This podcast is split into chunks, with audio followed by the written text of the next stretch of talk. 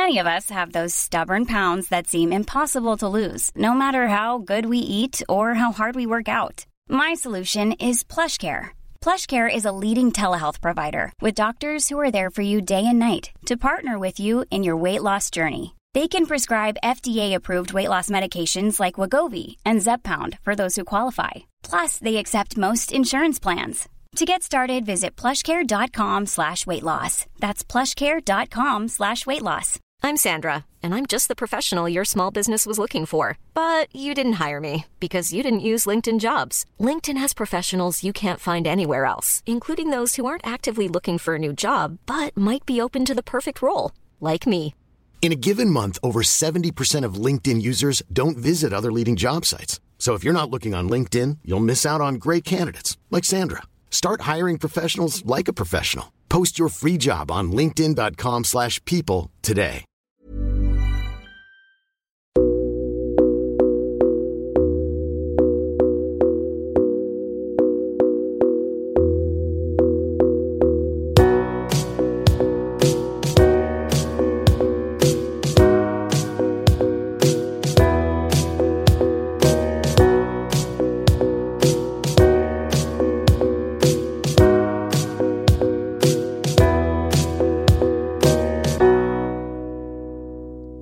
Samtal, en podcast med fokus på fria samtal.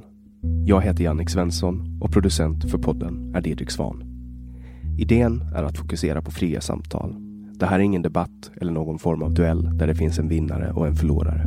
Det här är ett samtal där vi lägger fördomar åt sidan och där målet är att minska polariseringen. Vi tror att öppenhet är grunden för det demokratiska samtalet och vi vill uppmuntra dig som lyssnar att välja att exponera dig för samtal med någon du inte håller med om, hur triggad du än blir. Vår podd består av långa samtal. Vi vill ha långa samtal eftersom vi då får chansen att verkligen gå in på djupet. Den här podden presenteras av Webax, hemsidor och innehåll. Mer om Webax kan du läsa på www.web.ax. Webb med två B. Jag heter Jannik Svensson och du lyssnar på podcasten Samtal.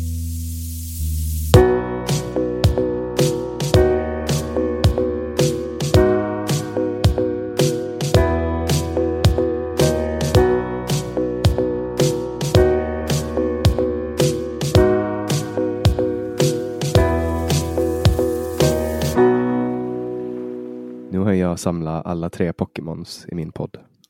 Ja, jag sa ju det när du frågade att det är klart att har de andra idioterna varit med så, så känner jag att det blir väldigt rumphugget liksom om du bara får med två av tre. En hade ju varit Mm. okej. Tre är okej. Två känns, känns lite samtidigt va? Mm. Och då pratar vi självklart om, om din podcast Haveristerna som du har tillsammans med Axel Loa Öhman och Henrik Johansson. Jajamän.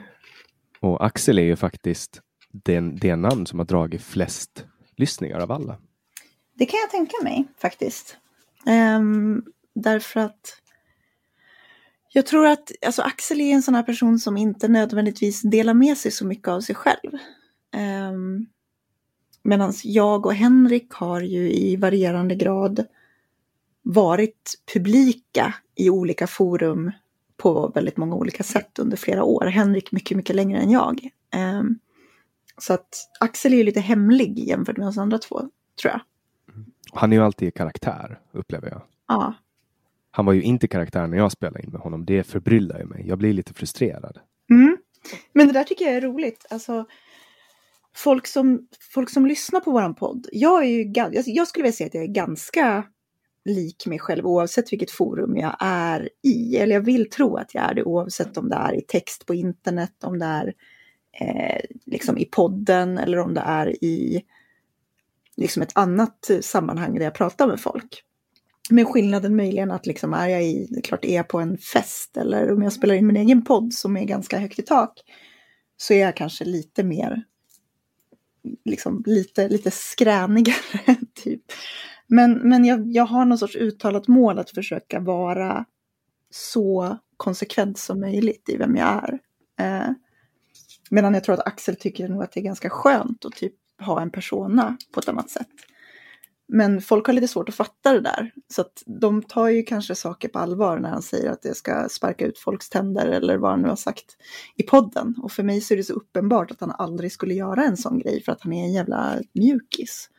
Um, Sen blir han ju också dömd för det han håller på med, så han kanske borde lära sig av sina misstag. Jag vet inte varför, alltså det var ju skitfånigt att han blev dömd för det där.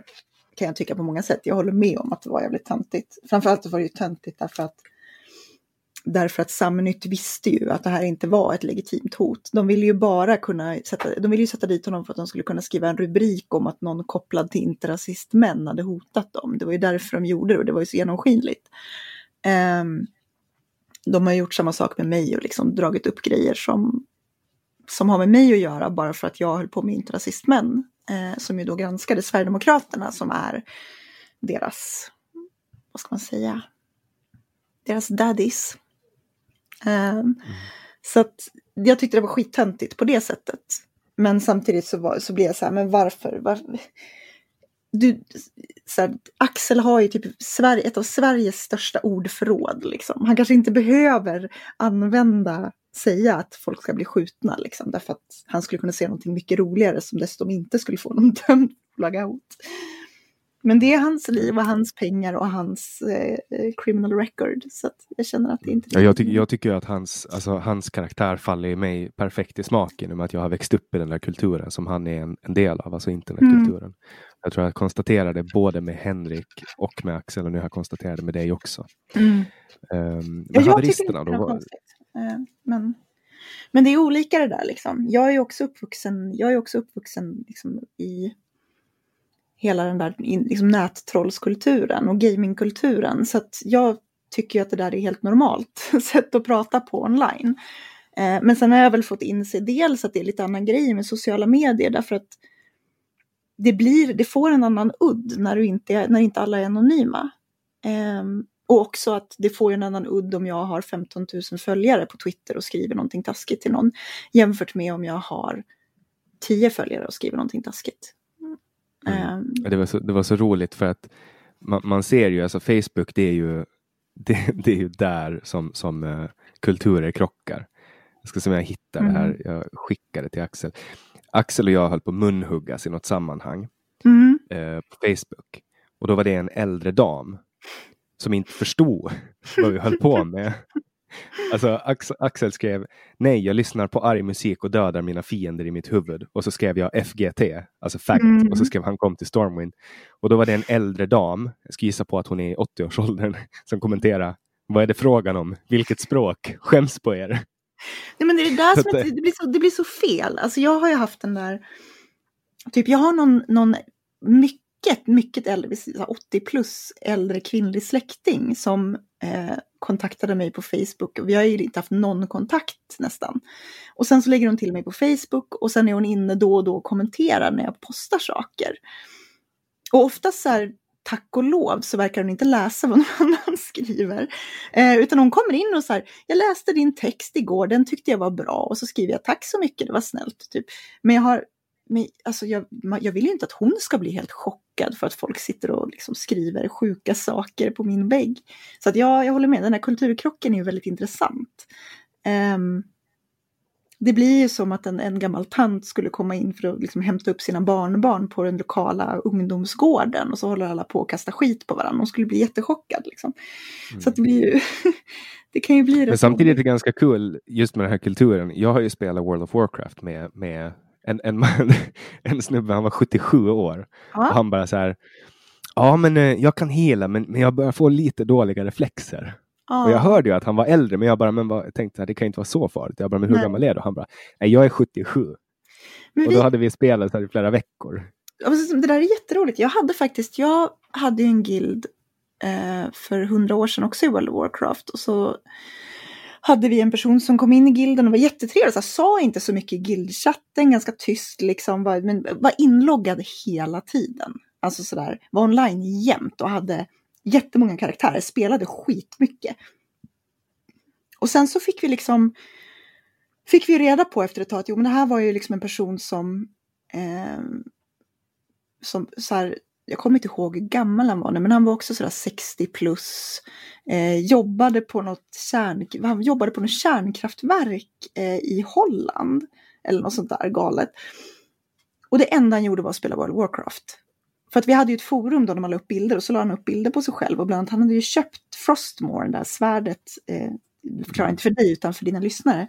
Eh, Frostmore är ett, ett svärd som är väldigt viktigt i, i historien som är i, i Warcraft-världen kan man säga.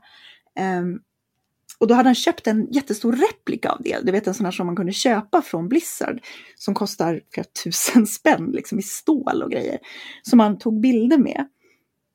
Men han var så himla wholesome, för han var totalt värdelös. Vi började ju raida och så, han var ju totalt värdelös på spelet. Han hade ju jättedåliga reflexer. Men vi kunde liksom, det var ingen som hade så hjärta och inte ta med honom för att han var så himla rar. Um, och, och det, var lite, det var också lite som en maskot sådär. Att mm. vi liksom det fyller, en, det fyller en social funktion också liksom. Ja, och, och, och, jag tyckte det var så konstigt när vi insåg hur pass gammal han var. Just det att vi hade ju suttit och liksom raljerat och dragit grova skämt i chatten i så ett halvår. Och han hade aldrig liksom haft någon åsikt om det. Han var ju aldrig med riktigt. Eh, men utan då och då så kom han in med någon sån här. Ja, titta nu fick jag den här. Nu droppade den här. Det här vapnet typ. Eh, så han var ju lite off men han, han verkade uppskatta det. Jag förstod aldrig riktigt vad han uppskattade med vårt sällskap om jag ska vara helt ärlig. Mm. Men, men att få vara med är ju också en, en, ganska stor grej. Men hur är det för dig då att, att vara, för att alltså gamerkulturen är ju någonting som, som är väldigt mansdominerat. Ja. Hur, hur, hur har det varit för dig att liksom vara en del av den under så lång tid? Ja, alltså jag skulle ju tro att det äh, har format mig i någon mån. Ehm, men jag tror snarare att det var kanske så att jag kände mig mer hemma i gamingkulturen än vad jag gjorde i mycket av, om man skulle ta någon väldigt tjejig kultur, alltså redan från jag var barn så var jag lite så. Um, jag, tyckte om, jag tyckte om datorer, jag tyckte om att läsa böcker framförallt. Jag läste skitmycket böcker, jag tyckte inte så himla mycket om att umgås med andra människor. Jag lekte gärna själv och så här. Så att jag tror att jag tror att för mig så var det liksom lätt lättare att akklimatisera mig till gamingkulturen eh, än vad det hade varit att börja gå på tjejmiddagar till exempel. Jag kände mig mycket mer hemma i den miljön. Um, och det, ja. Men, men alltså sen var det ju jobbigt på andra sätt. Det var ju, jag var ju väldigt länge så sa jag ju inte att jag var tjej till exempel. Därför att antingen så får man ju liksom skit eller ännu värre tyckte jag så fick man ju behandla ju folken med silkesvantar. Liksom. Mm.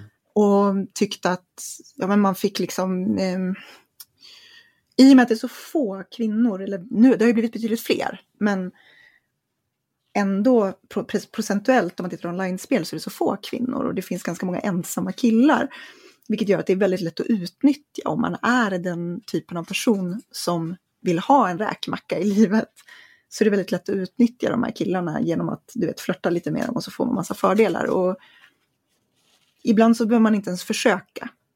Utan mm. du har ju säkert sett det här också, liksom. det kommer in eh, en tjej och alla bara ramlar över varandra för att hjälpa henne. Och oavsett vad hon gör så blir hon alltid eh, hon kommer liksom undan med att vara värdelös på spelet för att det är någons flickvän eller ja men du vet, det är någon sån här det är någon sån här konstig polarisering där antingen så blir du totalt överkörd och, och liksom hånad för att du är kvinna och ingenting du gör är bra nog. Eller så kommer folk att bara dalta med dig och jag var väl inte så jävla intresserad av något av dem, kanske främst vill jag inte bli daltad med. Det är mycket lättare att slå från underläge liksom. Mm. Um, jag har spelat World of Warcraft med, med en del tjejer genom åren och då mm. flera av dem har vittnat om det här med att Alltså att folk försöker ta kontakt med dem privat och mm. vill typ skicka bilder på sina kukar till dem. Ja, jättekonstigt. Eh, och, och det är så här, alltså, och då spelar det egentligen roll. De vet liksom inte hur de ser ut, men de vill ändå hålla på och liksom mm. göra såna konta alltså kontakt med dem. Så att många, många döljer ju det faktum att de är tjejer och vill inte gå in på Discord och prata till exempel. Mm. Jag hade, alltså, jag hade ju det där jag började ju säga att jag, att jag var tjej, alltså när jag började lära känna folk, jag startade en egen guild eh, som jag ledde under fem år eller något sånt där. Um, och jag började lära känna folk lite mer så var jag ju liksom öppen med vem jag var efter ett tag för att det blev väldigt konstigt annars.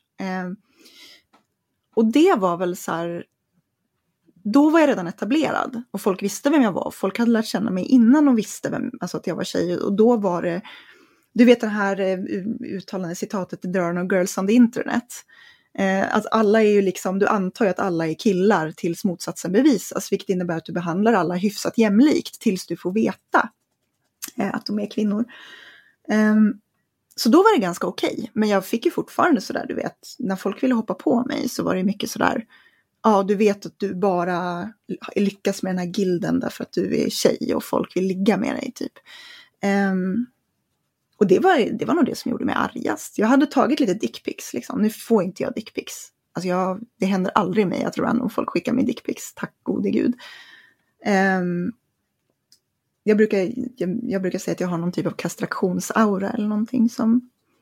Men vad tror du det beror på? Att de tror att du är Linnea Claesson och kommer att hänga ut dem eller? Nej, fast Linnea Claesson får ju bevisligen fortfarande dickpics fast hon hänger ut folk. Så jag tror inte det har med det att göra. Jag, jag vet inte, jag har spekulerat mycket runt det här i ärlighetens namn så känner jag ganska få kvinnor som får en massa dickpics eh, skickade på det sätt som brukar beskrivas av vissa människor, till exempel Linnea Claesson.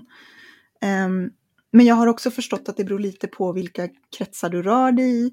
Eh, jag tror till exempel att så här, det verkar vara jättemånga snuskgubbar på Wordfeud till exempel av någon anledning. Jättemånga som är raggade på det. Snuskgubbar på Wordfeud? Ja! Det var, det var som fan. Ja, det är tydligen en, det är en grej tydligen. Eh, Mittuniversitetet, deras journalistlinje, de har ju någon sån här nyhetssida. Och de gjorde en granskning nyss där de låtsades vara 14-åriga tjejer och så var det en massa gubbar som raggade på dem och skrev olämpliga kommentarer till dem. och jag är så här, vad med ja. sifferpussel är det som gör att en massa gubbar blir superkåta på tonåringar? Jag fattar inte. Nej, det, det kanske är att, att så här, siffer eh, eller bokstavspussel eh, ligger nära det sexuella centrat eh, för det måste ju vara, det måste vara Det finns, säkert en, det finns säkert någon jättelogisk förklaring till det här. Nej, men jag vet inte, det är jättekonstigt. Jag har också förstått, jag försökte nämligen researcha det här lite grann när jag, när jag började ifrågasätta Linnea Claesson, vilket vi gjorde. Eller det var väl ganska långt innan det, för jag tyckte att det lät så himla orimligt just för att jag har typ aldrig fått en oönskad dickpic och då har jag ändå hängt i du vet de konstigaste jävla internetsammanhangen. Um, och nej, jag har fått det kanske en gång, men typ aldrig, så gott som aldrig. Och då frågade jag runt Kanske vi ska ge lite... Kände, liksom. ja, eh, nej, men jag frågade runt hos folk jag kände och det var typ ingen som hade varit med om det här. Det här att man skulle ha fått 30 dickpics om dagen helt oprovocerat det var liksom ingen som beskrev det och då pratade jag med allt från du vet, liksom mina vänner i, som har olika internetkretsar de har hängt i till eh, liksom, kända kvinnor och så vidare. Så det var väldigt, eh, ja, jag vet inte, det är konstigt. Mm. Kanske ska ge en liten bakgrund till de som inte känner till eh, Linnea Claesson. Hon är då en eh, journalist eller vad? Nej, nej, nej, nej, journalist. Hon är, hon kolumnist. Influencer. Kolumnist, aktivist, influencer. Ja, influencer. -huh. Som började typ 2015, 2016 med att lägga upp bilder på så här um, när, när äckliga gubbar hade skrivit det och hon hade varit lite så här rapp i käften och mm. kommit med så här bra svar och så blev ju det en succé. Och så typ plockades hon upp av Aftonbladet som kolumnist och sen hade bara liksom hon har fått vara med lite i tv och, och så. Mm. Och sen har allting bara balla ur i någon form av grandios våg av, jag vet inte vad man ska kalla det, men, men haveristerna har ju varit lite mer kritiska än andra nyhets eller bevakare kan man mm. säga. Ni har ju gjort ganska många timmar material där ni bryter ner varenda steg hon har gjort på internet. Ja, inte bara på internet. Och det här var väl det som gjorde att ni fick riktig Ja, eh, nej, men vi har ju pratat med folk som har träffats och som har känt henne IRL. Och vi har pratat, alltså, det, har varit så, det, det är nog största granskningen jag har gjort. Typ, och då granskade jag ändå Sverigedemokraterna i, i tre år eller någonting. Mm. Mm. Och det ni kom fram till är att det finns ganska mycket som pekar för att hon har haft eh, lite tveksam eh, inställning till sanningen kan man väl säga. Ja. Om, om, om 5 av det ni säger är sant så är hun en, en, en person som tycker om att ljuga väldigt ja. mycket. Um, det var väl lite det, lite det, den, det intrycket jag fick, ja. Um, snällt uttryckt. Men mm. jag vet inte, jag tror att det är ett problem det där liksom att att vi, det känns som att vi lever lite grann i någon typ av offer, så här, offer offrens tidevarv eller något sånt där.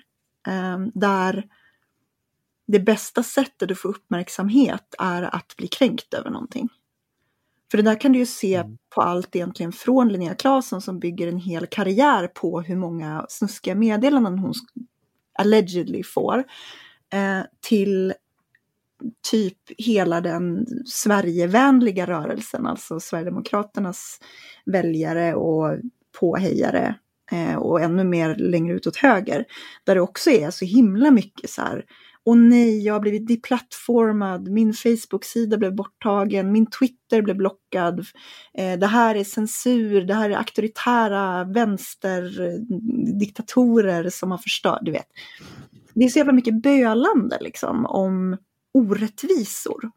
Eh, och det är ett jättebra sätt att få folk att sympatisera med. Joakim Lamotte är också ett bra exempel på det där liksom det enda han gör numera. Från början gjorde han ju någon typ av journalistisk granskning i någon mån. Men liksom 90 procent av det han gör numera är att skriva olika statusar om hur jobbigt hans liv är för att han går emot etablissemanget. Och sen så swishar folk honom jättemycket pengar. Han drar in miljoner på det där.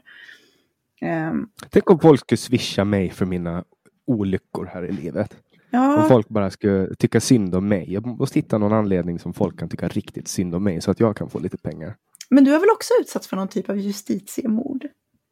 Kan du inte mjölka Ja, det? alltså det finns ju ingen på Åland som vill ge mig pengar för det. Jag, jag hade i ett sammanhang uttryckt ett, ett internskämt som överhördes av en person som tolkade som drogliberalt och det gjorde ju att jag fick eh, ja, men public service-radion på mig och, och, och sen tidningarna i tätt släptåg. Eh, och det här var ju liksom precis efter valet här på Åland. Men, men jag, har inte, det, jag har inte tjänat någonting på det. Alltså, jag behöver väldigt, väldigt många swishar för att tjäna tillbaks den förlorade inkomst som jag har förlorat på den. Ja, marknaden kanske är lite mättad nu också, jag vet inte. Ja, kanske det. Jag har lärt mig i alla fall att man ska inte gå i fight med public service. För Nej, då, då kommer det tillbaks. Liksom. De har alldeles för mycket resurser tror jag. Det är lite grann som, nu kommer jag inte ihåg vem som berättade det för mig, men Nordiska motståndsrörelsen har ju en tendens när de demonstrerar att börja slåss med polisen och sådär. Och då var det någon som hade varit, jag vet inte om det var, det, var typ vice ordförande i Bandidos eller något liknande, alltså någon typ av motorcykelklubb. Som hade sagt att de här är ju dumma i huvudet, liksom. man ska aldrig bråka med polisen därför att de har mycket mer resurser än vad vi har. Så att liksom, det sista man ska göra är att ge sig på polisen. Um, och det, det, är väl rimligt. Jag tänker att det är samma sak med public service. Kriga med ja, andra tidningar kanske går bra. Men, mm. Ja, men sen, sen känns det alltså, nej, med public service, det är, jag, har ju en, jag, jag är väldigt kritisk till det som, som poddare också. Jag kan mm. tänka mig att du också känner att det är lite, lite orättvist. Så här, att ni sitter och sliter för att få in ert levebröd på podden och sen kommer public service och så får de så här 47 fantasiljoner som de får göra vad de vill med Uh, typ för en produktion. Mm -hmm. Jag vet att vi har raljerat om det. Eller vi raljerade om det i podden faktiskt när, när vi under någon period låg på så här poddtoppen och de enda som slog oss i kategorin nyheter eller vad det nu heter på poddtoppen var olika P3-poddar. Men nej, alltså jag tycker faktiskt inte det. Jag gillar public service. Jag tycker att public service är bra. Um, framförallt så tror jag att jag tycker att det är bra som i tiderna vi har nu med coronavirus och sånt där. Därför att, eller inte bara coronaviruset, egentligen liksom hela internetlandskapet. Därför att vi har liksom hamnat i en tid där neutrala nyheter blir viktigare och viktigare, men de är också svårare och svårare att skilja från fejkade nyheter. Och då kan jag tycka alltså, att det finns ett värde i att ha public service som håller någon typ av neutral, konsekvent linje och som inte är beroende av eh, att, att göra pandering till, till sina läsare eller till en viss politisk falang för att faktiskt ha sina löner. Det är så roligt, alltså det där just när du säger med fejkade nyheter, för jag såg ett inslag från SVT, eller om det var typ Nej, det var inte SR eller UR, för de får ju inte göra film, utan, men det, var, det måste ha varit SVT då, mm. som åkte och gjorde en så granskning. De skulle så göra granskning om fejkade nyheter. Så de eh, åker hem till Storken eh, som då är satiriker. Mm. eh, och skriver satirnyheter och så, och så liksom brandar de som fejkade nyheter. Och så sitter de och liksom ifrågasätter varför han skriver fejkade nyheter. Men det är ju för helvete satir! Det är ju inte ens fejkade nyheter. Fast det roliga med Storkens nyheter var väl att det var en massa sverigedemokrater som tog det där på fullaste allvar och delade det och tyckte att det var... Det är så när folk råkar dela The Onion, ungefär. Ja, eller Margot Wallström som råkar det. Nej, det var inte Margot Wallström. som Nej, det var Bet eh, Beatrice Ask var Beatrice? Ask. Ja, Som hon delade att folk hade, ma- massa hade dött av marijuana när man, när man legaliserade det. Ja, det Eh, var väl Daniel, var det inte? det kan ha varit The Onion. Det var definitivt en satirnyhet i alla fall. Ehm, Ja, eller som typ när Kim Jong-Un går på att han har blivit vald till världens sexigaste man enligt eh, eh, typ The Onion. Fast han hade ju kunnat skriva den nyheten själv å andra sidan. Var det, inte, det var väl Jong-Un som, som hade sin första golfrunda så, så var han bättre än Tiger Woods eller något sånt där. Ja, han drog, men det var Kim Jong-Il. Han drog eh, Så 18 var det. hole-in-ones första gången han spelade. Piece of cake. Nej men, nej, men Ja. så att jag förstår, alltså det där blir ju svårt. Alltså om du säger att du gör satir, men folk tar det som riktiga nyheter. Om du då fortsätter göra samma sak, har du då har du liksom inget ansvar för hur folk tolkar det du ger ut? Jag tänker att problemet är ju på individnivå att man är lätt dum i huvudet som inte förstår att det man läser är satir. Absolut, alltså problemet är ju på individnivå, men det jag menar är så här, har du inte ett ansvar som den som ger ut det? Om du märker att det du skapar till exempel driver på en jävligt hatisk retorik mot muslimer eller vad det nu kan vara. För att jag vet att jag undrar om inte jag läste, om det var den eller en annan intervju med honom där de ifrågasatte varför han alltid bara eh, gjorde satir på nyheter som man visste att de här Sverigedemokraterna skulle hugga på och tro var sanna och dela. För det var ju det som hände. Um, när han sa att ja, men jag väljer ju det därför att den här gruppen är mycket mer lättlurade. Gör jag någonting eh, liksom åt vänster så kommer folk att dubbelkolla det eller de kommer inte lita på okända källor. Jag tror inte riktigt... det har ju att göra med, med att man är datadriven. Alltså Mm. man hittar människor som, man hittar människor som är ja, men, mottagliga typ. ja men exakt, det där är ju samma som med viralnyheter. Det finns ju en anledning att de alltid riktar sig till kvinnor som är över 45. Mm. Och det har ju att göra med att de delar. De är mycket större sannolikhet att de delar och eh, alltså, ja, de bara håller på och delar saker Mm. hela tiden. Och Sverigevänner, de är också jättebra på att dela. Ja, det är de. Men, men Inte, men de vill inte dela med sig av Sverige. Nej, nej, nej, precis. Bara det inte kostar dem någonting. Jag menar, dela på Facebook kostar dem ingenting, så det är okej. Exakt. Annars skulle de nog bli mycket mer restriktiva tror jag. Nej men det är det jag menar, har du inte då... Jag menar om jag... Jag slåss ju med det där ganska mycket. Att jag gör någonting. ehm, till exempel kanske jag går ut och skriver någonting om sexköpslagen. Vi kommer säkert komma in på det ändå. Ehm, och sen så ser jag att folk tolkar det helt fel. Och så tolkar de det som att jag försvarar folk som köper sex av kidnappade barn eller någonting. Har inte jag då ett ansvar att ta det till mig och förändra det jag lägger ut, det jag skriver, det jag säger? Har jag inget ansvar att gå ut och säga fast det var inte så jag menade?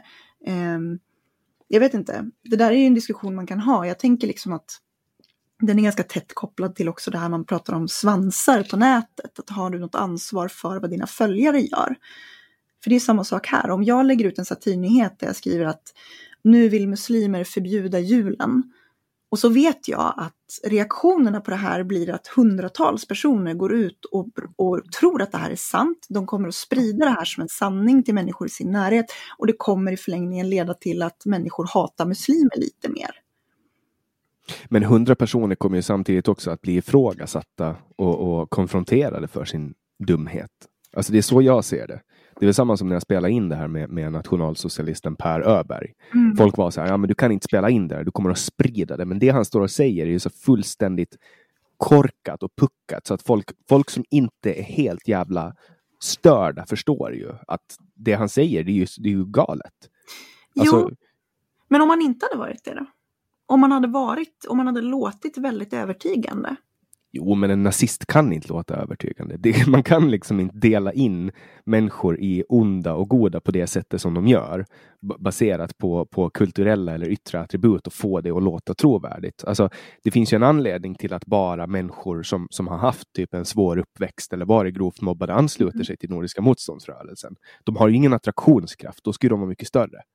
Nej, så är det ju. Men jag menar, idéerna kan ju ta fäste ändå. Även om det inte leder till att folk kommer in i Nordiska motståndsrörelsen så är det så här, om jag skulle sitta i den här podden och så skulle jag säga eh, så skulle jag låta väldigt professionell och väldigt trovärdig och så skulle jag säga någonting typ som Ja, visste du att eh, eh vi tar, nazister brukar gilla att citera en bok som heter The Bell Curve till exempel. Eh, där man påstår, kontentan är egentligen att så här, svart svarta människor oavsett eh, var de växer upp, hur de växer upp och så vidare har fortfarande mycket lägre IQ än vita.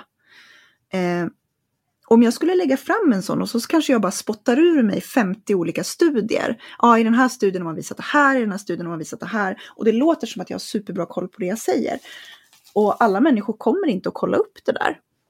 Mm. Och Nej, men jag tänker också så här... inte bli nazist så kanske de så här, nästa gång de ska rösta så kanske de tänker så här, fan, är det så att eh, invandrare begår 90% av alla brott, då kanske jag inte gillar att ge bidrag till folk. Då kanske jag vill rösta mer åt höger så att de inte får ta mina pengar. Alltså du fattar, det kan ju ha liksom mm. ringa på vattnet på ett sätt ändå, även om det inte alltså, han... Jag, jag, tänker, jag tänker så här, jag, jag, alltså, man måste ju vara mottaglig för, för just den retoriken för att kunna bli påverkad. Om någon, om någon skulle, alltså, även om någon skulle komma med 50 studier till mig och säga att ja, men svarta personer har lägre IQ, då skulle jag ändå tänka ja, men det finns garanterat väldigt, väldigt många svarta som har högre IQ än mig. Mm. Att det mm. finns ju alltid liksom på individ, alltså det, jo, du förstår vad jag menar. Det har ju med mottagaren att göra. Vad har mottagaren för referensramar? Hur stor är mottagarens värld? Mm. Det finns ju en anledning att alla NMR som står och skanderar är liksom ytterst blåsta. Det, du behöver bara titta på dem så ser du att det är någonting som inte står rätt till. Ja, men tyvärr så kan ju även blåsta människor göra skada på samhället. Liksom. Alltså jag vet Absolut. inte. Jag tror att det där var lite så här, den, den, politiska resa jag gick igenom i mitt liv var ju att jag gick från, jag var anarkist från början, eh, mer eller mindre. Jag tyckte väl att man ska vara jättetolerant. Anarkokommunist eller anarkokapitalist? Nej, inget av dem, bara anarkister i största allmänhet. Men mer vänster så mer anarkokommunist i sådana fall. Um, men, men liksom...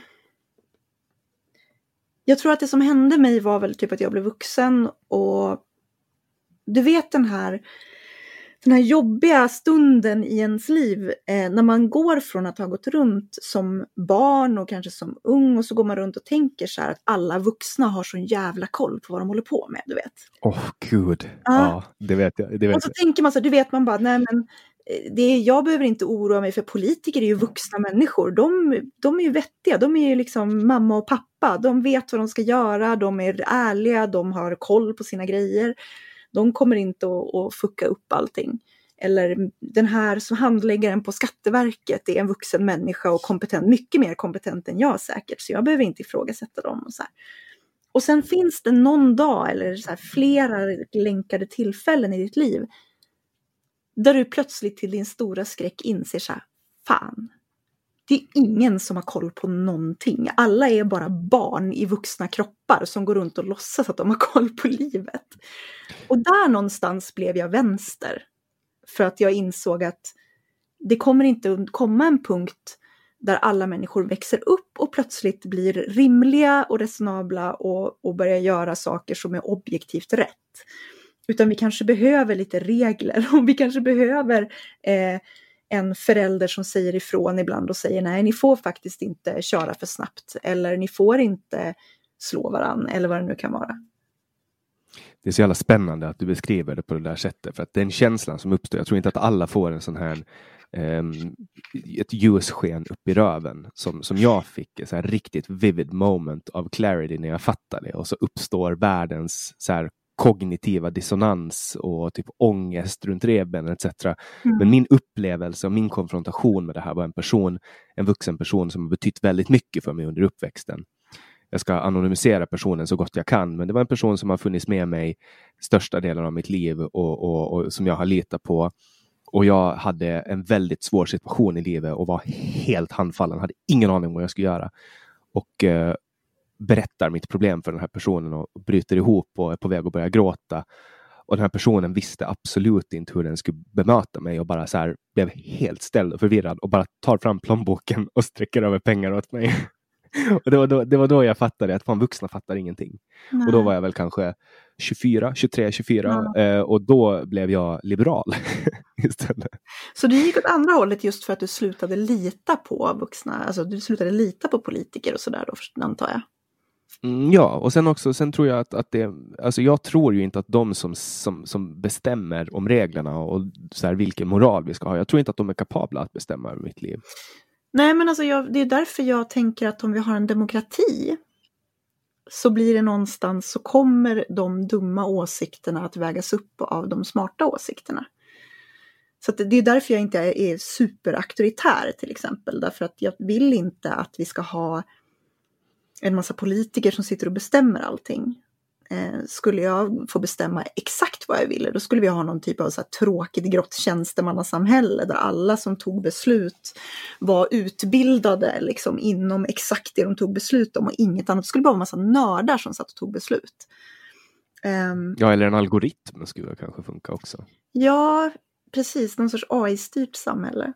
Det tror jag på. Jag tror ju att, att vi i framtiden, alltså jag menar, kolla tillbaks hundra år. För hundra mm. år sedan var det 1920. Vad höll man på med då? Man åkte runt i någon gammal T-Ford som man fick veva igång. Mm. Och radion var en ny grej. Och typ ja. flygplan var så helt nya och, och, mopeder eller cyklar hette så här velociped eller vad man höll på med. Och um, typ det sexigaste som fanns var ett ben.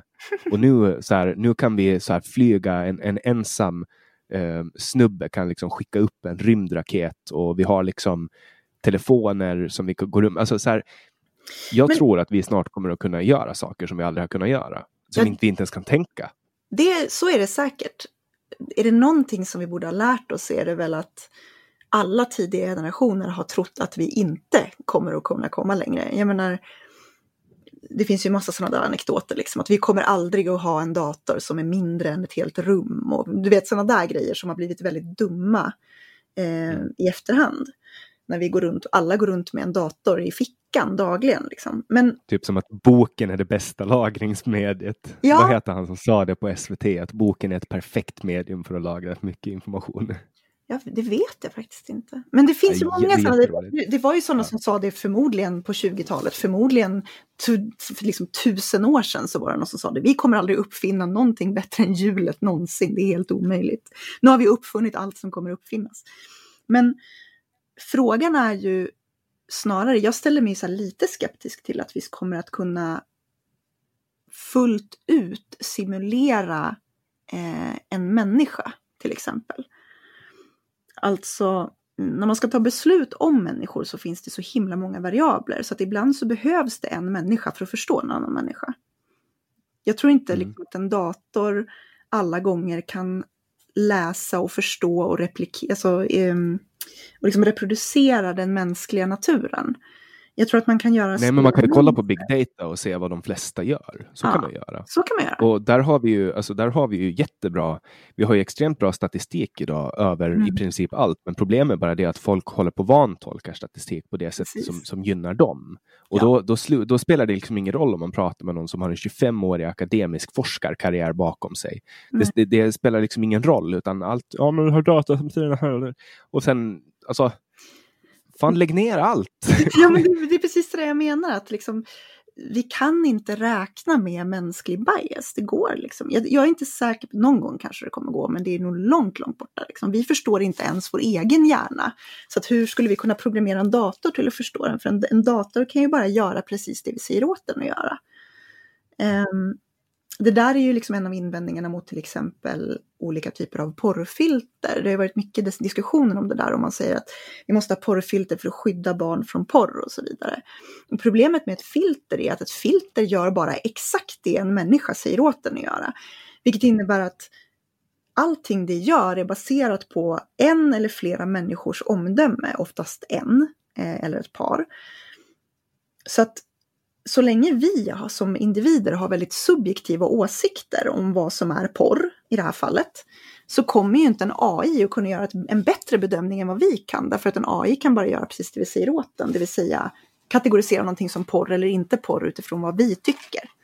Och det tror jag... Men sen också det här med porrfilter, det är ju också liksom det är precis som när man försökte ta bort tryckpressen eller när man har alla inskränkningar man har gjort i yttrandefrihet någonsin. Liksom. Det är samma skit upprepat på nytt. Alltså, det går inte. Alltså, det där är ungefär som att försöka hoppa ner i, hoppa ner i havet och trycka ut en våg igen. Ja, det nej. går liksom inte. Hur mycket man än försöker. Det kommer inte att gå. Inte som man står en hel rad med porrfri barndom människor kommer man att lyckas liksom, manipulera en naturkraft som är större än vad man själv är. Liksom. Nej, det är totalt omöjligt. Jag, så här, jag ser väl mer att jag har bråkat så mycket om den frågan har ju mer att göra med ett, att man slösar en massa resurser som skulle kunna gå till någonting bättre. Jag, menar, jag ser ju hellre att man lägger de där pengarna som då ska gå till någon typ av statlig utredning, det ska gå till kanske på individuella skolor, att de ska ta in en jävla en jävla datakonsultockrare som ska liksom administrera och utforma deras filter och så vidare. De här resurserna hade ju kunnat läggas på typ sexualkunskap för unga, där man pratade om så här,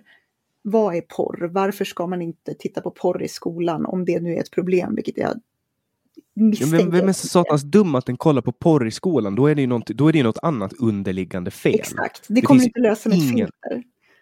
Nej men exakt, det finns ju ingen som kommer att säga, kanske det finns en på hundra som är så satans dumma mm. att de mm. sätter sig ner och börjar googla upp porr på en skoldator. Men vem vill utsätta sig för det som kan hända då? Bli påkommen med kuken i handen liksom. Det är Precis. inte rimligt. Nej, Då tar man ju sin telefon och går in på toaletten. Liksom. Ja. ja Alla men, har ju telefon. Ja, det, men det är jättekonstigt. Och, och så här, min största invändning mot det är just det där att ja, vi kanske kan lägga de pengarna på någonting bättre. Vi kanske kan lägga de pengarna på att prata med unga i skolan om sex och om relationer och typ samtycke och du vet sådana vettiga grejer som man är rädd att de inte ska lära sig för att de ska se en massa våldsporr. Mm, okej, okay, då kanske vi ska ju... motverka det. Då kanske vi ska vara proaktiva istället för reaktiva. Alltså det finns ju få saker som är så inkluderande, inkluderande som porr. Mm -hmm. Alltså det finns ju någonting för alla där. Ja. Alltså det kan ju vara, det, det finns ju så här, för de som gillar dvärgfötter, mm. eller man får inte säga dvärg, nu kanske jag kränkte någon, men de som gillar småväxtas fötter. Mm. Alltså det, är liksom, det finns, man kan rada upp vad som helst så finns det. Liksom. Det där har ju länge varit en av mina favoritsärintressen, just eh, udda internetfetischer. Rent så här, ett rent vetenskapligt intresse, för att jag tycker att det är så jävla fascinerande just det där. Att Självklart är det så att när vi får ett, ett nätverk som liksom spänner sig över hela världen och där vi kan prata med människor från alla möjliga bakgrunder och liksom alla möjliga ställen. Det första vi gör är så här, hmm, undrar om jag kan hitta någon som ritar bilder av Sonic the Hedgehog som är uppblåst som en ballong som jag kan runka till. Liksom. Alltså det är ju fantastiskt. Det är ju ja, någonting är så jävla fint, alltså det är så, så enormt mänskligt med det. Eh, som jag tycker är det, det är mer hållsom än vad de flesta tycker tror jag. Jag kan bli ja, så alltså alla människor, över det. Alla människor säger ju till exempel, nu är det här kanske ett ganska dåligt exempel, men alla människor säger ju så här, om du frågar människor så googlar, googlar folk inte sig själva. Mm. Så här, aha, googlar du? Nej, jag har aldrig googlat mig själv, säger folk. Men, men alla gör det. Ja. Alltså, alla, alla gör det. Det är samma sak med så konstiga sökningar på internet. Alltså, tänk om man skulle kunna sitta och läsa igenom någon annan människas sökhistorik, hur konstigt det skulle bli. Och om man skulle se sin egen sökhistorik. Det kan du ju göra. Du kan gå in på Google och kolla din historik tillbaka. Det är väldigt roligt. Jag har gjort det några gånger. Och så försöker jag så här, jo, men jag sparar aldrig min historik. Jag. Alltså, jag tänker så här att vill Google spara någonting så kommer de göra det oavsett vad jag säger. Så jag bryr mig inte så mycket. Framförallt så är det precis det du säger att vad, alltså, när man inser hur konstig ens egen historik ser ut så inser jag ju att vi är liksom så många biljoner människor och alla sökhistorik ser ut ungefär så här. Så att jag känner väl liksom att någonstans så är det ju strength in numbers på det där. Att om Google... Mm. Ja, och sen att det är extremt kommer... mänskligt att vara en människa. Ja. Alltså, att... Vi beter oss på ett visst sätt på internet och det finns de krafterna som vill stoppa det med lag mm. och så finns det de som bara accepterar det. Jag tillhör de som accepterar att människor gör som de gör och jag vill inte mm. ändra människan. Liksom. Nej, och framförallt så jag kan tycka så här, vill vi ändra människan? För ibland kan det vara rimligt att ändra människan. Vi gör ju en del saker som är jävligt själviska och taskiga och ogenomtänkta. Men jag tror att man ändrar det genom att ändra folks syn på saker, inte genom att förbjuda saker. Ehm, jag tror att man ändrar det genom att skapa förutsättningar för folk att välja bort dåliga saker, inte genom att förbjuda de här dåliga sakerna från att göras. Så folk att, fortsätter ju välja skit hela tiden. Folk röker ju cigaretter liksom. Ja. Men det är ju också... Någonstans så tror jag så att det är för att det ger människor någonting positivt. Och jag, jag kan ju inte sätta mig till doms riktigt över liksom någon annan människas val. Eh, det måste ju vara upp till varje människa vad de avgör ger dem mer glädje. Det finns ju något så utilita utilitärt, en utilitär bedömning att göra i det där. Där det är så här, mm. okej, okay, jag kanske kortar mitt liv med sju minuter, men hur mycket mer glädje får jag ut av att jag kan gå ut på balkongen och röka en cigg liksom i solen? Är det värt det här? Och den, den avvägningen måste ju vara min att göra någonstans. Eh, du låter ju lite liberal. Jag är, jag är väldigt liberal när det kommer till just eh, kroppslig autonomi till exempel. Det är nog de frågor jag är mest liberal i. Men jo, jag är ganska liberal. Som sagt, jag kommer ju liksom från den anarkistiska, frihetliga sidan. Snarare än den auktoritära. Så att, eh... Det är kanske därför jag tyckte att din, din del i den här antologin var så jävla rimlig. jag, jag läste den igår och var så här jag var ju beredd på att, att få någon så här, alltså man har, jag i alla fall, har en så här bild av feminism. Eh, mm. Eh, att att du vet, den är så aggressiv och den är så manshatande och du vet de här mm. tongångarna mm. som går. Att man har liksom en fördom mot en ideologi uh, och, och, så kanske man inte riktigt ger sig in och fördjupar sig i, i grunden eller fundamentet i den. Och sen läste jag din del och så var jag så här, ja nu är jag beredd på att, att liksom så här, få min världsbild bekräftad. Och sen var allting du skrev bara så här helt rimligt. Och jag bara, fan vad rimligt! Ja. Men det är väl jättebra, för att jag, menar, jag tycker att mycket av det här, mycket mycket av det jag skriver är ju, jag skulle inte säga radikalt, för det är inte nya idéer liksom, eller så. Jag har ju bildat mig den uppfattningen och min analys av det bygger ju på andras tankar. Eh, för att de här mönstren, mönstren med könsroller och så har ju funnits längre än vad vi båda har, så att säga. Um, men jag tycker att det är, jag tycker feminism är ganska rimligt. Jag menar, vi vet ju att män och kvinnor behandlas på olika sätt i samhället och det är ju grunden till en feministisk analys egentligen. Men om vi jämför dig med Cissi Wallin då, hon är ju också ett av era haveristernas objekt för granskning. Mm. Hon utger sig också för att vara feminist, men det är ju väldigt stor skillnad på, på dig och henne tycker jag, i retorik och allt. Jag Klassanalys vet... också. Ja, gud ja. Alltså jag, jag vet inte riktigt jag har inte tillräckligt bra koll på liksom allt Cissi Wallin har skrivit om feminism alltid. Eh, för att ha, kunna säga till 100 procent vad hennes feministiska analys består i. Men det jag har reflekterat över med henne är att det handlar ju väldigt ofta om att att på något sätt ursäkta sitt eg, sin egen situation eller sitt eget beteende eller att slå mot människor som inte har någonting med henne att göra, som hon inte kan identifiera sig med. För mig så, så blir det ju så här att ska jag göra en feministisk analys, eh, vilket jag ju gör i den här boken till exempel, och prata om så här hur kvinnor har, hur kvinnors sexualitet har gjorts till en valuta och hur vi har liksom eh, kvinnor har tvingats använda sexualitet som bytesvara för att få tillgångar som annars var, var avstängda för henne då måste jag ju också kunna titta på alla delar som jag har gjort det här mönstret möjligt. Och det innefattar ju till exempel att säga att, som jag gör vid något tillfälle, att, att hade hälften av befolkningen varit emot det här systemet så skulle det inte finnas kvar längre. Eh, att de alla... har på något sätt blivit medlöpare till sin egen... Ja. Eh... Därför att, därför att det, det funkar ju för många. Alltså det är ju jättebra för många. På samma sätt som det finns folk, alltså sådana som säljer sex som, som, inte, som tycker att det är världens softaste jobb och tjänar skitmycket pengar. Det är väl klart att de har ett egenintresse i att, att det ska vara legaliserat. Um, Samtidigt som det också finns folk som, som vill legalisera det för att de tror att det hjälper utsatta.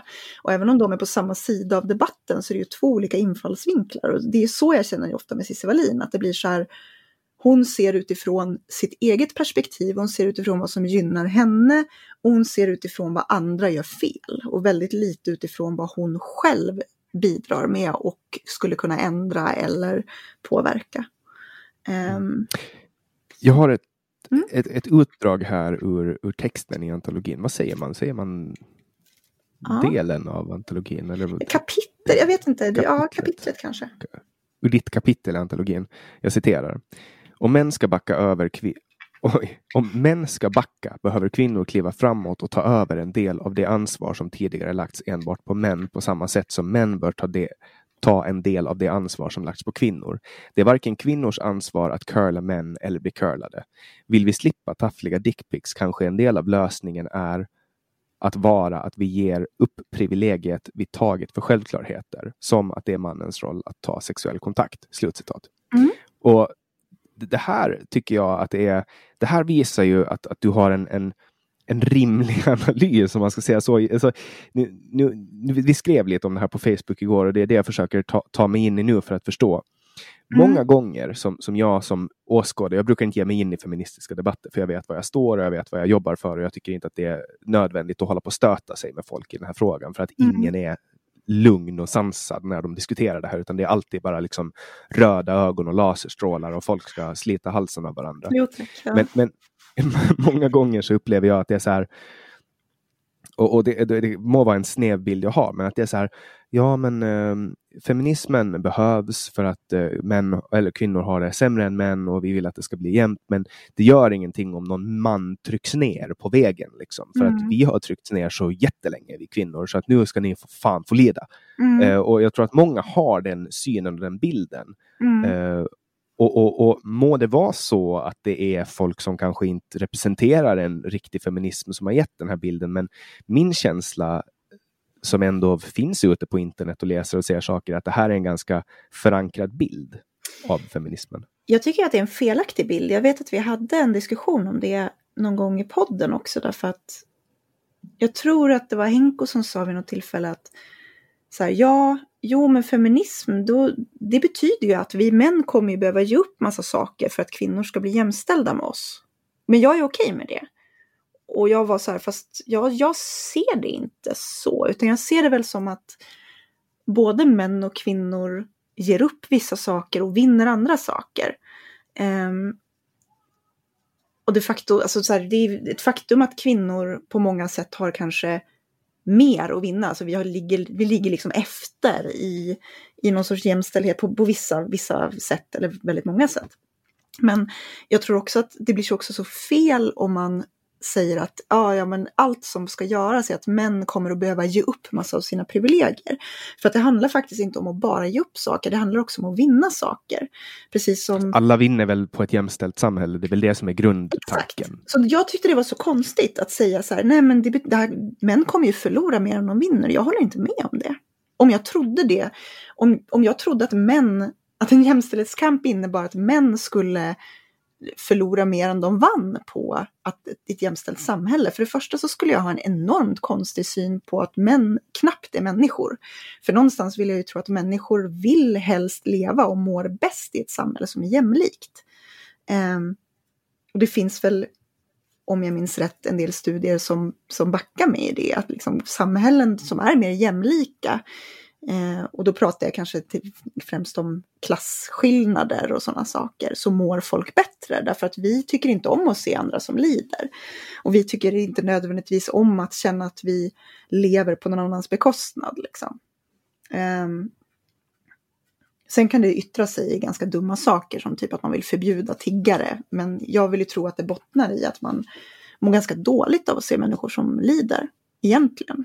Eh, Ja, alltså det där med att förbjuda saker, man försöker ju komma åt med olika former av lagar och förbud. Det, det har ju varit ett politiskt sätt att liksom ta tag i de här olika grejerna. Ja. Och, och, det känns för mig som att eh, när, man, när man pratar om det liksom inom eh, men feminism och, och eh, jämställdhetsperspektiv, typ att nu ska vi ett exempel på det är ju så här USA så skickar de ju, eh, du, kan, du kan få ett stipendium om du är svart för mm. att bli skickad till ett, ett universitet. Mm. Och, och, det, är ju, det är ju rasism. Att säga du är svart, därför ska du få komma till det här universitetet. Alltså att, man, att man, det blir en, någon form av social ingenjörskonst. Mm. Och det är ju inte jämställt, eller? Eh, alltså det där är komplicerat, det är som kvotering. Det är en typ av kvotering kan vi säga. Eh, och jag är jag har inte riktigt bestämt mig för var jag står i frågan om kvotering därför att jag tror att det finns en eh, poäng i att utan representation så kommer folk inte heller att ändra sina beteenden. För det första så har vi typ i USA så är det lite annan kontext än här eftersom svarta har ju liksom systematiskt segregerats från vita och satts i samhällen där de får mycket sämre utbildning, mycket sämre förutsättningar i stort. Så att det är mycket svårare för dem att faktiskt komma in på en bra skola därför att de, de har inte getts förutsättningarna för att ens leva jämställt. Eh, men ju mer jämställt det blir, om vi tittar på svensk kontext, så har vi ju om vi, kvinnor och män i svensk kontext, eh, så vet vi att kvinnor klarar sig oftast bättre i skolan än män. Och då kan man ju fråga sig så här, ja, ska vi behöva kvotera in kvinnor på utbildningar då? Mm, då kommer nästa aspekt in och det är ju just det här med förebilder och eh, egentligen att kunna se sig själv i en situation och vad man tror är möjligt. Om vi tittar på eh, kvinnliga, kvinnor och utbildning så vet jag att eh, du känner till serien Arkivex, kanske? X-Files. Eh, X-Files, oh, gud, hur känner du till X-Files? Det är en, en, Men jag kollar inte på, jag kollar inte på filmer. Det är en gammal, en gammal serie eh, som borde ha visats typ på 90-talet, borde det vara. Eh, som, det är alltså två typ FBI-utredare som håller på att utreda olika typer av övernaturliga fall och alienfall och sådana grejer. Och en av de rollerna, eh, det är en man och en kvinna och kvinnan spelas av Gillian Anderson eh, som spelar liksom en väldigt så här, professionell eh, utredare, väldigt traditionellt manlig skulle man kunna säga, så alltså väldigt sådär väldigt konkret, väldigt sakligt. Det är hela tiden hon som är skeptisk och den här mannen är han som vill tro på det här övernaturliga hela tiden och så har hon dräkter på sig och är väldigt proffsig. Um, och det finns någonting som man i USA benämner, man pratar om det som, som the Scully effekt. Scully var hennes karaktär i den här serien. Därför att man kunde se att i takt med att den här serien sändes, så den var väldigt, väldigt stor, så var det fler kvinnor som sökte sig till olika typer av jobb. Eh, som olika utredare och sådana saker. Så det, det fanns liksom en mätbar effekt som människor inom akademi pratade om som the Scully effekt. Och det var som en följd av att, de kunde, att unga tjejer kunde se och ha en förebild som gjorde någonting och så fick det att bli så här antingen kanske attraktivt, att bara det här verkar ju kul, för att jag kan se mig själv i det. Men också kanske att man plötsligt inser att ah, det är inte bara killar som kan göra det här, utan jag kan göra det också. Och det där är ju bara ett bevis för att reklam fungerar eller, att propaganda är effektivt eh, eller att kommunikation, alltså att utbyte ja. av tankar skapar visioner och att visioner leder. Alltså det finns ju, man, kan ju ta, man kan ju ta ett riktigt flumperspektiv på det också. Och, och, och tänka så här att allting börjar ju med en tanke och att det är mm. tankens kraft som inleder, typ om du ska bygga ett hus eller turning torso eller whatever. Då är det ju alltid någon som tänker det först och ser en bild av det i sitt huvud och sen liksom börjar världen materialisera det. Ja, men precis. Då är vi lite tillbaka på det där med att liksom, vad vi tror att vi kommer att göra för, för tekniska, teknologiska utveckling eller ut, eh, framsteg, skulle jag säga. Vilka framsteg vi kommer att göra tekniskt kan ju inte vi visualisera förrän någon visualiserar det och berättar det för mm. oss. Liksom. Så att vi skapar ju vår värld allt eftersom vi ser mer av den och, och får liksom idéer om vad den kan innebära. Så på nu har vi ett skolsystem som, som sitter och trycker in de här gamla tankarna i, mm. i oss. Alltså, jag menar, det finns massa exempel på hur skolan, jag tror att, jag tror att det mesta startar i skolan. Liksom. Mm. Att all, all, all den, den liksom den kvinnosyn som finns liksom fortplantas i skolan. Jag tror inte att det skulle vara en dum idé. Alltså jag är helt öppen för att, att man helt enkelt skulle låta killar gå i klasser med killar och tjejer gå i klasser med tjejer. För att, eller, eller för att, just för att tjejer är om man kollar på, på liksom vetenskapliga studier så är ju tjejer mycket tidigare i utvecklingen. Eller om det är killar som är senare i utvecklingen eller en kombination mm. av de två. Att, att man kanske borde ta hänsyn till det i skolan. Och att ja. det kanske skulle, att det, de skillnaderna i liksom intellektuell, den intellektuella klyftan kanske på något sätt skulle jämnas ut om, om man lät alla frodas i en miljö där. För, för du förstår vad jag menar? Ja, jag förstår. En liksom mer individualiserad, alltså, vad ska man säga, studienivå. Eh, alltså jag, jag har inte tillräckligt bra koll på just studiefrågan för att säga någonting om det egentligen, mer än att jag undrar lite grann vad det skulle skapa för andra problem i samhället. Eh, om man började separera, jag, då, då, då, har vi gjort precis det du sa, att man separerar, man särbehandlar män och kvinnor. Eh, och jag är inte alls avvokt inställd till idén att vi behöver ta hänsyn till olika biologiska förutsättningar till exempel. Jag är inte en sån person som tror att det finns noll biologiska skillnader mellan män och kvinnor. Däremot så tror jag... Finns det sådana människor som tror det på riktigt? De är nog väldigt, väldigt få. Alltså, nu, pr nu pratar vi... förlåt. Då pratar vi kanske inte främst om så här, folk som säger att nej, kvinnor har inte livmoder. Eller, alltså du vet, inte på den nivån, men mer att man säger att nej, men det finns inga IQ-skillnader, det finns inga skillnader i hur våra hjärnor funkar eller hur, hur vi... Ehm, alltså en tabula rasa-tänkande någonstans, att alla är tomma blad. Det är bara, själv, det är bara självbedrägeri att hålla på med sånt. Jag tycker också att det, ja alltså absolut, jag tror att det definitivt finns skillnader. Jag tror att det finns skillnader i till exempel, vi vet att hormoner påverkar oss jättemycket. Vi män och kvinnor har ju bevisligen olika nivåer av olika hormoner. Um, så det vänder jag mig liksom inte emot. Det jag vänder mig emot det är väl mycket att vi, när vi säger så, även fast det är fakta, vi kan säga att um, män har högre IQ än kvinnor, som topp, liksom deras toppar är högre. Uh, och kvinnor ligger mer närmare någon sorts medelvärde medan män har dalarna och topparna. Liksom. Man ehm, kan säga att det finns mer dumma män än dumma kvinnor. Ja, och fler, smarta, fler, just... fler, riktigt smarta män än smarta kvinnor också. Det, ja, det, det, det handlar ju vilken, hur vill man lyfta fram datan? Liksom? Mm, men dels det, men också så här, det man alltid glömmer när man pratar om de här sakerna. Det är också att variationerna inom könen är oftast större än skillnaderna mellan könen, vilket innebär att Visst, tittar du på en jätte, jättemakronivå så, här, så kommer du att se den här typen av mönster. Men problemet är att om du börjar inrätta samhället efter det så glömmer du liksom att okej, okay, på makronivå stämmer det här.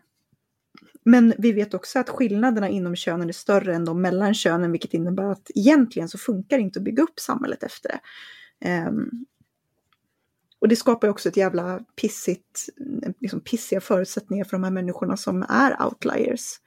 Eh, det är ju det som Annie Lööf inte håller med om i Skavlan-intervjun där Jordan Peterson är med.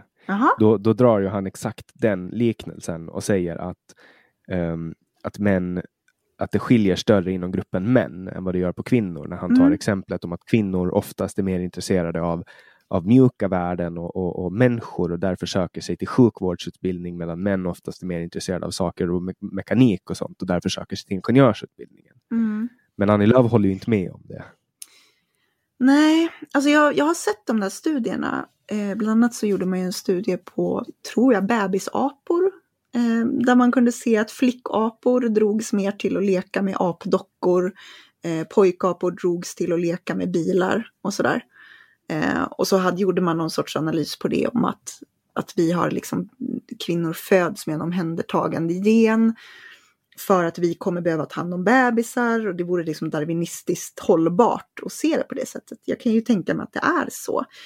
Men mitt problem oftast när man går tillbaka till det som är naturligt, för det är det Jordan Peterson gör väldigt mycket, att han liksom hela tiden pratar om så här, ja så här är det i naturen, så här är det biologiskt. Men vi som människor idag så är vi ganska långt ifrån vår natur ingenting ja, annat men kolla på när människor dricker öl. Alltså. Kolla hur ja, ja, men alltså inte alltid. Vi kan ju vara grottmänniskor ibland, absolut. Men jag tänker så här, det finns ju inget annat i samhället där vi säger att vi måste nog titta på hur man gör naturligt. Liksom, vi, går till, vi går till jobbet mellan åtta och fem varje dag eller fem dagar i veckan och så är det ledigt två. Alltså inget av det är ju baserat på hur vi beter oss i naturen och vi tycker att det är helt normalt. Um, mm. Ja, inte så att sitta på en stol är normalt. Vi ska egentligen spotta. Nej, vi, vi får ju sjukdomar och skit om vi, för att vi sitter för mycket. Liksom. Så att, mm. det finns ju inget annat i våra liv där man på något sätt kan komma och säga, nej, jag tänker inte, jag tänker inte sitta på jobbet. Ni får eh, ni måste lägga in så här mattor på golvet för att det, det är inte naturligt för mig att sitta på en stol. Det skulle inte accepteras. För att vi har kommit så långt ifrån det som är naturligt för oss. Så frågan är, om vi ens funkar så längre. Men sen finns det ju beteenden som människor i alla kulturer återgår till. Till exempel mm. det här med att röka olika saker. Ja. Indianerna satt ju och rökte fredspipa. De hade liksom ingen koppling till européerna på den tiden. Det här var någonting som de hittade på att vara en mysig grej. Mm. Jag har ingen aning om vad det var de hade i sina pipor, men men, men alltså det här höll man ju européerna på med också. De satt och rökte tobak och, och, och Mm. någon annanstans kanske man satt och rökte cannabis. Och det, är liksom, det där är ju någonting människor, det är ju en grej som fascinerar människan. Att rulla ihop någonting och tända eld på det och suga in röken. eld.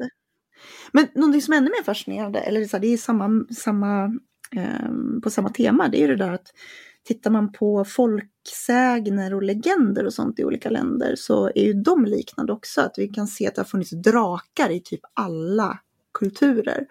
Ehm, Det är ett bevis för att drakar har funnits. Ja. Precis. Ja, men och det är så här, ja, men vad, hur, har det, hur kommer det sig att alla kulturer har någon form av drake liksom i sin, sin lore, sin folklore? Det är jätteintressant det där. Mm. Och alla delar in allting i gott och ont och så finns ju det här hjältemyten och så finns, alltså det finns ju alla de här olika narrativen. Och, alltså, ja. Ja.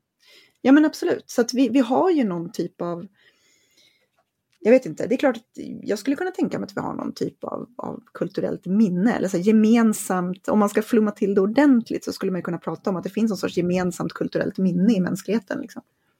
Mm. Ja, eller så kanske det är så eh, som, eh, vad heter han då som, som skrev eh, Samtal med Gud? Ehm, Neil Donald Walsh. Mm. Han skriver ju att, att summan av Gud är alla själar som finns som är liksom ihopplockade till en. Jag tycker att det är ganska spännande att läsa hans böcker, eller jag läste dem en period för att han, han säger ju verkligen så här att jag har pratat med Gud. Eh, och, och så har jag skrivit en bok om det. Och det här är inte mina ord, utan det här är Guds ord. Och sen bara köper folk den här boken och han blir en så här skitbra säljande författare. Jag tycker det är jättespännande och bara så här, ja men tänk om det, tänk om det är sant. Tänk om det är Gud som har skrivit den här boken. Så här, vad har han då att säga? Jag tror att det är väldigt lugnande för människor att tänka att det finns, det, det är lite som, jag tror så här, att tro på Gud, det är ju lite som att, få gå tillbaka till det där stadiet när man var som barn, när man trodde att vuxna hade alla svar på allting. Att det är en Mm. trygghet. Plötsligt så finns det någon som har alltid rätt, det finns någon som du alltid kan lita på. Och jag tror att ju sämre vi mår, desto mer beroende är vi av, det, av, av att ha det. Det är bara att titta på nu liksom under coronakrisen när Tegnell blir någon sorts helgonfigur. Därför att vi vill ju så gärna att det ska finnas en person som sitter på alla svaren och som är trygg och lugn och talar om för oss att det här kommer att bli bra. Ehm, Och Och jag- därför regeringspartierna ökar så mycket. Ja, ja men också. precis. Eh, och, och jag tror, alltså det är, jag tycker att Jordan Peterson och så andra som har väldigt lätt att liksom börja prata om naturen, det är också lite så. Det är så här, usch det är så jobbigt att leva i det här moderna samhället. Det är så jävla besvärligt att behöva förhålla mig till eh, genusperspektiv och eh, andra människor. Men om jag kan gå tillbaka till någon så här universell sanning om att naturen har gjort det så här, då behöver jag inte fundera så mycket. Jo, Peterson är ju dessutom kristen också så att jag känner att Men det, det är märker man i hans böcker. Han Ja. skriver ju väldigt mycket, han tar ju mycket bibliska eh, Mm. exempel och så. Men det, det är intressant det här med, med frågan om, om Gud, för att människor upplever ju saker. Alltså, må, många människor har ju så här andliga upplevelser och sen bara drar de slutsatsen att, ja, men, oj jävlar, mitt kylskåp. Och så att det där att de har, de, ja men det finns någonting. De har liksom en känsla. Sen finns det ju studier som visar också att människor som har en blind tro på att det finns en Gud lider mindre av ångest. Till Ja. exempel. Men såklart. Alltså, Och då är ju Gud någonting bra. Från... Ja, absolut. Alltså, jag, jag tycker inte att... Jag tror att människor har ett behov av att tro på någonting. Eh, vi behöver någonting, att, alltså en dogma att förhålla oss till. Just, just för att komma tillbaka till det där stadiet där vi är sådär, mamma och pappa vet bäst. Jag behöver inte oroa mig för det finns någon som kommer att, att fixa det här. Um, jag tycker ju liksom att det kan vara väldigt lugnande att tänka att det finns någon typ av öde till exempel. Um, jag vet inte om jag tror på det till 100 procent om man skulle liksom sätta en pistol mot huvudet på mig. Men, men jag tycker att det är en lugnande tanke att underhålla på något vis. Att saker... Ja, det finns ju massor så här roliga, roliga grejer. Jag gjorde en sån tolkning härom- häromdagen. Jag fick, en, fick en, ett brev från min eh, tandläkare i Stockholm eh, med en tid. Och det, jag visste inte om att jag hade fått det här brevet. Och samma dag som jag hittade det här brevet i min postlåda så hade jag ringt till tandläkaren här på Åland och bokat in en tid för att jag har problem med spända käkar. Mm. Och då fick jag en tid. Och sen hittade jag, alltså en timme efter att jag hade fått den här eh, tiden så gick jag ner till, till brevlådan och då hittade jag ett brev från min tandläkare i Stockholm som har skickat exakt samma tid. Och Ja. den här grejen hade till och med tagit i beaktning liksom tidszoneskillnaden. Eh, så, och, och då är det så här, för mig är det typ så här, det, sannolikheten Mm. att det ska hända, den är ju så astronomiskt jävla liten. Ja. Att man exakt samtidigt har tandläkartider i två olika städer, då, är, då, då, då kan jag bara tolka det på ett sätt. Ja, men det är Gud som vill att jag ska gå till tandläkaren. Liksom. alltså, du förstår vad jag menar? Ja, ja, nej, men alltså, jag, jag alltså, det är, för det första, alltså, man ska ju så här, komma ihåg att vi har ju väldigt lätt att det är en astronomiskt liten, liten sannolikhet, men då får du ju så någonstans slå ut det på alla tandläkartider du någonsin har haft eller bokat in. Så blir den ju lite mindre astronomiskt liten. Men ja, Men visst Alltså- är det en tröstande tanke? Ja, jag så här, tycker- ja, men det här är rätt beslut. Liksom. Det kommer att kosta mig satan, jag kommer att bli rånad. Mm. Men, men det, det, jag har i alla fall ett, ett argument som jag kan liksom bli rånad och känna, ja men det här var ändå okej. liksom. Framförallt så är det ju en enormt trösterik tanke precis sådana här gånger när man liksom är lite osäker över någonting eller när man känner att någonting är jävligt jobbigt. Så är det ju verkligen lugnande. Jag förstår ju att människor som har väldigt svårt blir religiösa liksom därför att kan du lägga, lägga allt ansvar, all ångest, all oro på någon så här, namnlös vuxen som ska lösa det åt dig och som har sett till att allting kommer att bli bra så är det jätteskönt. Jag tror att det är lite det Alltså jag tror att det är lite det man gör också när man pratar om naturen och man pratar om nej men det är bara så här det ska vara, det är universum som bestämmer på olika sätt. Eller nej men det blir alltså så här, det här med att, det är att kvinnor, det är mycket fler kvinnor som är hemma med barnen, men det är bara naturen. Liksom. För det är mycket lättare än att vara kritisk och ifrågasätta sånt som är ganska jobbigt att ifrågasätta. Särskilt om det är saker som kan påverka oss själva negativt. Tänker jag. Mm. Sen är det ju också extremt, ehm, alltså när man kollar på så här, hur tro och religion har, har liksom går hand i hand. Alltså religion ha, handlar ju mera, nu kommer, nu kommer jag säkert att reta upp någon med min definition, men religion har i tiderna mera handlat om att typ försöka kontrollera människor till att fatta rätt beslut. Alltså typ Ja. som varför eh, judendomen och islam eh, inte vill att man ska äta griskött har att göra med att det har funnits en parasit i griskött Ja. som har varit farlig. Liksom. Och så har man använt det här, man har lärt ut det genom kunskapscentret som faktiskt har varit Mm. de religiösa samlingsplatserna där alla har varit och lyssnat och det har varit, det man läst upp nyheter. förklara också. Alltså det är som när man, när, när man liksom ska hantera barn och så ställer de frågor och så säger man bara att ja, nej, men för att det är så. Så hittar man på en förklaring som är lättare. Liksom att någon, inte vet jag, mamma och pappa ska skilja sig och så frågar de varför ska pappa flytta? Och så istället för att säga jo för att pappa låg med sin sekreterare och spelade bort alla våra pengar så säger man nej men pappa han han, eh, han, han är lite arg just nu, eller vi är lite arga på varandra. Alltså att man får göra någon sorts förenkling som gör att det är lättare för folk att greppa. Och då tänker jag att särskilt liksom när man skrev eh, Bibeln och Koranen och så, så var det ganska få människor som hade någon typ av kunskap om medicin till exempel. Skulle du då försöka få människor att förstå varför det var farligt att äta griskött och så ska du förklara det för människor som aldrig, som fortfarande tror typ att man kan hela allting med bönor och som inte förstår kopplingen mellan vad vi äter och vad vi dricker och vad vi gör och vad, liksom, vilka sjukdomar vi får. Så är det nog lättare att bara säga, nej men Gud har sagt att vi ska, inte ska göra det för att det är orent. Ehm, Och sen sitter vi där 2020 och så får vi liksom stå ut med att ha de här människorna som hela tiden ska hålla på och bråka om halalkött. Och man hittar halalkött i någon butik och lägger upp det och bara! Nej, så jag, jag, jag har så svårt att förstå liksom den här ilskan över att människor, alltså över så pass harmlösa saker, det är väl det. Och det gäller ju både från religiösa håll och från sådana som avskyr muslimer till exempel. Jag har väldigt... Alltså det är ju, liksom- det, det är, där är ju liksom marknaden som styr vad som ska finnas i en butik. Jag tänkte på det igår när jag var i butiken eh, och så letade jag efter hundgodis och då var det så här. De hade tre gånger mera kattgrejer Mm. än vad de hade hundgrejer. Och jag vet inte om det är så att det kanske finns tre gånger mera katter eller för att kattmänniskor är mer benägna att skämma bort sina katter. Alltså Ja. jag, jag, jag vet inte vad det beror på, men det är, ju, det är marknaden som har sett till att det är på det sättet. Antagligen för att det återspeglar vad människor köper. Ja. Och det är samma med halalkött. Alltså, om, om jag inte vill ha halalkött, då skiter jag i att köpa halalkött. Det är, Precis. det är ju jätteenkelt. Ja, alltså det, precis. Jag kan väl också så här, där, där har jag också någon, någon slags eftersom jag fortfarande har, eh, jag är inte libertarian liksom, eh, jag tror ju fortfarande på att man behöver reglera en fri marknad, alltså man kan inte, den fria marknaden är viktig, eh, men jag tror också att det behövs, du behöver reglera den, du behöver göra vissa saker för att se till att den på något sätt står till, alltså, att den hjälper människor snarare än skadar människor. Um, men, men ja, alltså jag, jag, kan väl tycka att det finns, folk blir upprörda över så jävla dumma grejer. När jag tycker väl någonstans att in, in, alltså inställningen du ska ha när du går in i någonting, som, speciellt när det kommer till politiska saker, är ju liksom att titta på vad är det som fyller behov? Vad är det som gör att människor mår bra? Det borde ju vara allas främsta mål någonstans.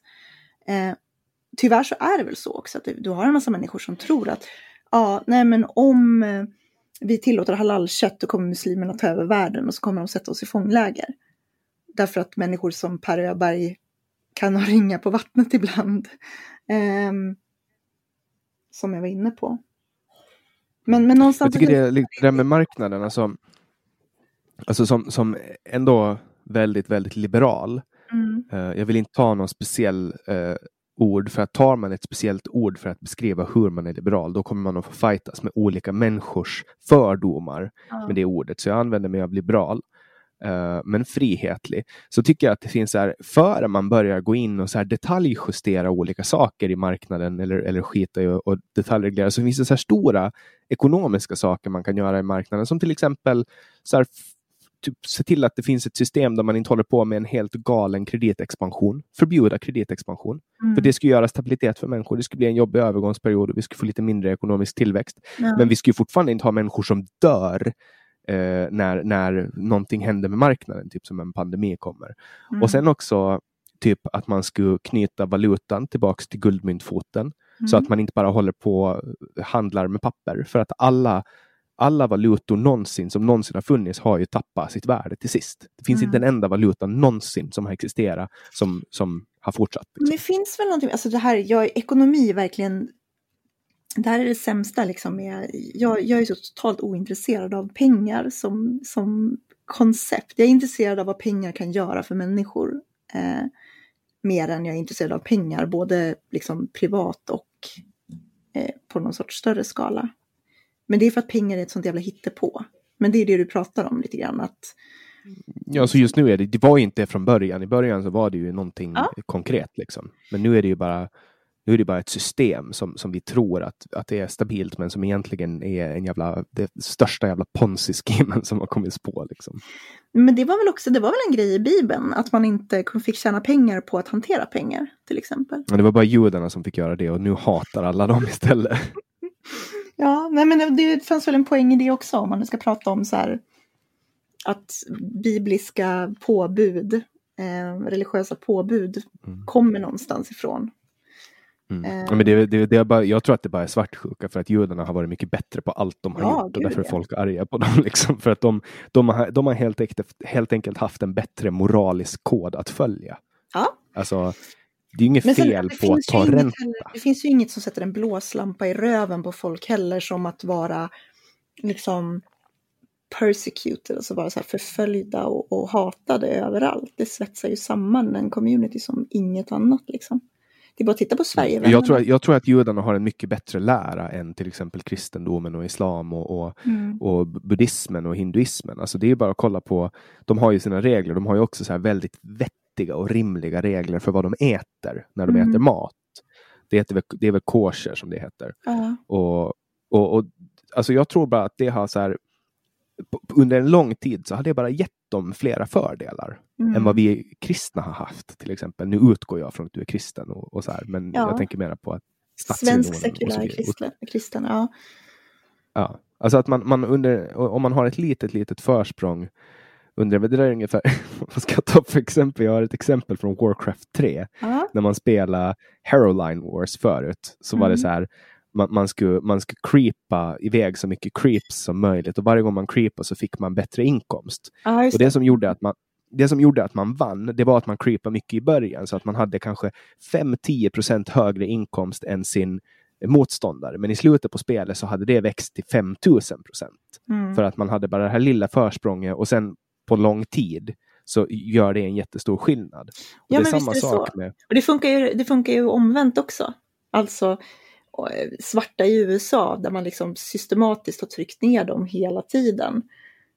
Så kommer det också att- att kunna eskalera därför det som händer när du har dåliga socioekonomiska förutsättningar är liksom att du, det bildas en massa kriminalitet och den kriminaliteten gör i sin tur till att mindre resurser Alltså att en massa resurser går till att stoppa kriminalitet, vilket gör att mindre resurser går till de som faktiskt sköter sig, vilket gör att de har mindre incitament för att sköta sig och så vidare. Eh, mm, det eskalerar ärvs åt ner. Liksom. Ja. Sånt går ju också, ångest går ju också genetiskt till exempel. Alltså, Mm. eh, och det bevisar de väl så här under andra världskriget att, att folk som, eh, alltså barn till, till Alltså till, till judiska offer eh, av förintelsen hade större sannolikhet att börja missbruka Ja. när de blev större för att föräldrarna typ svalt och, och, och mådde dåligt och hade massa ångest under den här tiden. Ja. Eh, så det där är ju också sånt som liksom går vidare. Man behöver inte vara där first hand och uppleva det utan det räcker med att man är ett foster. Nej, precis. Och tittar vi, liksom, tittar vi på USA så är det ju eh, liksom de sista Jim Crow-lagarna, segregeringslagarna, upphävdes liksom på 60, 64 tror jag. Så att det är inte ens en generation bort. Alltså, du har ju människor fortfarande idag som upplevde det där first hand. Så att där kan vi ju verkligen prata om att vi kommer att... Det kommer ju liksom att, Det är ingenting som kommer att gå bort över en natt så att säga. Ehm, jag vet inte, jag har tänkt på det så här så mycket senaste veckorna på grund av George Floyd och hela, hela den kontroversen. Och folk ju, har ju fel som vanligt åt alla håll och kanter. Eh, Var ställer du det där då när det kommer till Black Lives Matters? Alltså, det, jag, det där jag ställer mig är väl egentligen att såklart att, att hur svarta har systematiskt behandlats i USA är helt jävla barockt. Eh, och det finns egentligen inget bra sätt att ursäkta det på. Du kan liksom inte förklara bort det med någonting annat än att det är ett systematiskt förtryck. Det går liksom inte. Um, men sen så har jag också jävligt mycket invändningar mot hur vi svenskar relaterar till det, eller försöker relatera till det och försöker dra paralleller igen, alltså till hur vi har det i Sverige, för att det går liksom inte, för vi har inte vi har liksom inte riktigt den historien av, av att vi har haft eh, rika människor i Sverige, har haft svarta slavar och att vi har lynchat dem på öppen gata och sålt vykort med bilder från lynchningar. Alltså vi har liksom inte den kontexten. Um, så att jag tycker att det är precis lika korkat med kritiker till Black Lives Matter från Sverige som sitter och säger ja men vadå? Eh, liksom, alltså gör jämförelser och tänker att USA skulle vara som Sverige. Och att ja men de kan väl bara göra ett bättre jobb liksom. De kan väl bara sluta vara förtryckta. Eh, men jag tycker att det är precis lika dumt med typ svenska antirasister som tycker att man ska kunna dra, ett, eh, dra paralleller mellan svensk polis och amerikansk polis till exempel.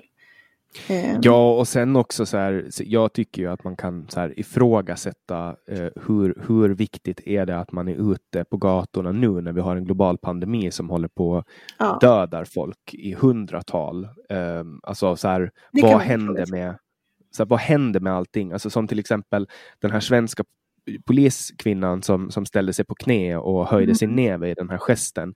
Det, det mest provocerande för mig där, det var att hon står och kramar folk.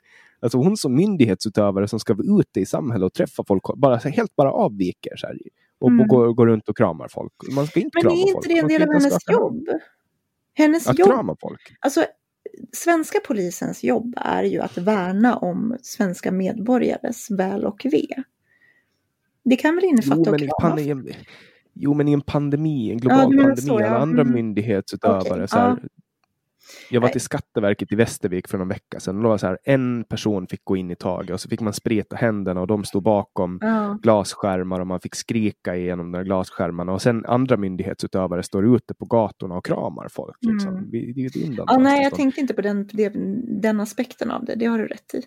Jag, Jag tänkte det är mer okej att utifrån... kramas om alla är med på det. Liksom, Ja, men inte, Nej, men jag, jag tror att jag var lite fast i det. Hon har fått så jävla mycket kritik för det där. Liksom, att hon från en massa idioter som har hoppat på henne liksom för att hon gjorde det där och tycker att hon var alldeles för snäll mot demonstranterna. Och, och jag var, har varit så irriterad därför att det var inte som att hon hade supermycket alternativ. Alltså för det första är hennes jobb att skydda medborgarna, inte att spöa dem, även om de är ute och demonstrerar.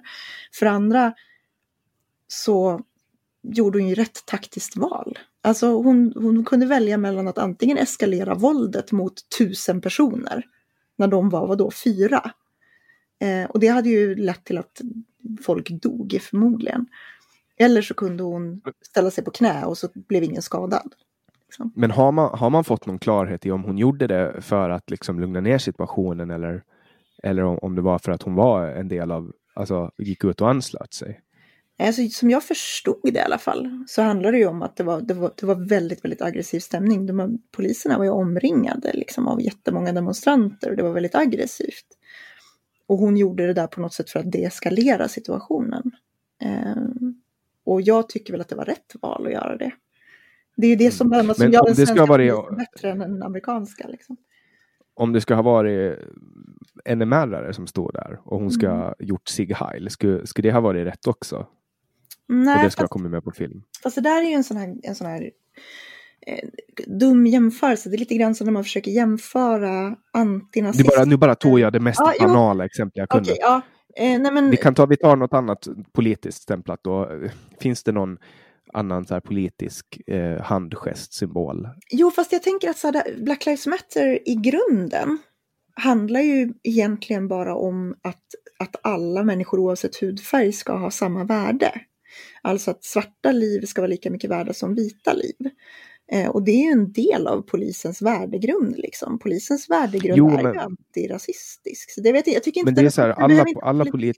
på det sättet nödvändigtvis. Men alla politiska partier har ju en värdegrund som, som eh, polisen håller med om. Alltså alla de etablerade partierna som mm. är normala. Mm. De är typ så här, ja men vi ska ha demokrati, vi ska ha frihet, frihet under ansvar, alla människors lika värde. Alltså mm. man skulle kunna skriva på vilken, ta vilket partiprogram som helst och bara skriva på, ja men det här är bra. Liksom. Liksom. Jo men det är det jag menar. Alltså, om, hon hade gått ner, om hon hade gått ner på knä och skrikit frihet och demokrati så hade jag inte haft något problem med det heller. Liksom.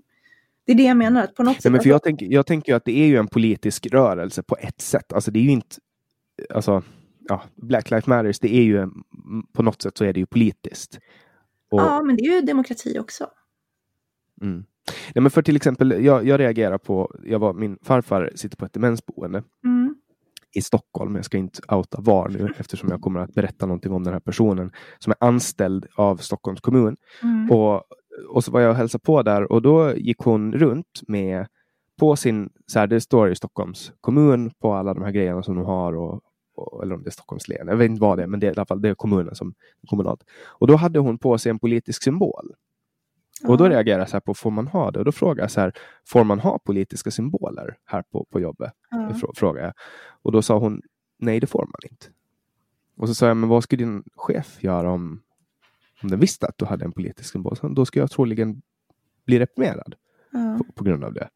Och, och, och den här politiska symbolen som personen hade, det var en, en person som kastar ner Sverigedemokraternas eh, mm. logga i en soptunna. Ja. Och eh, tänk dig om det skulle ha varit en sverigedemokrat symbol på den. Ja. Nej, alltså, alltså skillnaden, liksom kontrastet där. För att där är det ju så här, de flesta, alltså över 75 procent av Sveriges befolkning håller ju med om att Sverigedemokraterna inte borde vara det partiet som de vill mm. rösta på. Men, men sen en sån där, alltså det är liksom, båda är ju politiska symboler. Sverigedemokraternas ja. logo kontra jag är emot Sverigedemokraterna. Men den ena är mer accepterad än den andra. Men regeln är ju att man får inte ha politiska symboler. Nej, alltså det där Även är... om de flesta håller med. Ja, nej, men alltså det, där, det där är ju knepigt med Eh, liksom, vad en, då är vi inne på precis samma sak. Liksom, vad är en politisk symbol? Hade det varit ett hakkors så hade nog kanske, eller om det hade varit eh, där det bara stod eh, jag är emot rasism, så kanske man inte hade reagerat på samma sätt. Ja, hade, man, hade det då varit ett alltså- politiskt budskap på samma sätt? Måste det inte? I, regeln är ju att man inte ska ha politiska budskap alls. Mm. Och, och, och jag är emot, alltså vad man än är emot så är ju det politiskt. Ja, jag tänker bara att, att jämlikhet, ah, jag vet inte. Jo, alltså jag håller ju med dig. Jag tycker inte att hon skulle, jag tycker inte att man ska ha, även om jag gladeligen skulle kasta Sverigedemokraterna i närmsta soptunna så tycker jag väl Mm. att det, du måste ju ha någon typ av princip där får du inte ha Vänsterpartiets logga så får du heller inte ha Sverigedemokraternas logga eller du får inte ha Exakt. skjut alla Och det är det kommunister på tröjan. Det är det jag menar, för det där skulle också kunna varit, tänk om det var så här en Israel-Palestina konfliktgrej. Eh, och, och polisen liksom i skulle ha blivit omringad av jättemånga pro-Palestina människor. Ja. Och så skulle den po- po- polisen liksom göra en pro-Palestina handgest. Alltså du förstår vad jag menar? Jag förstår vad du menar. Jag tycker att det är svårt att jäm- jämföra, men det beror nog lite på vad man läser in i Black Lives Matter också.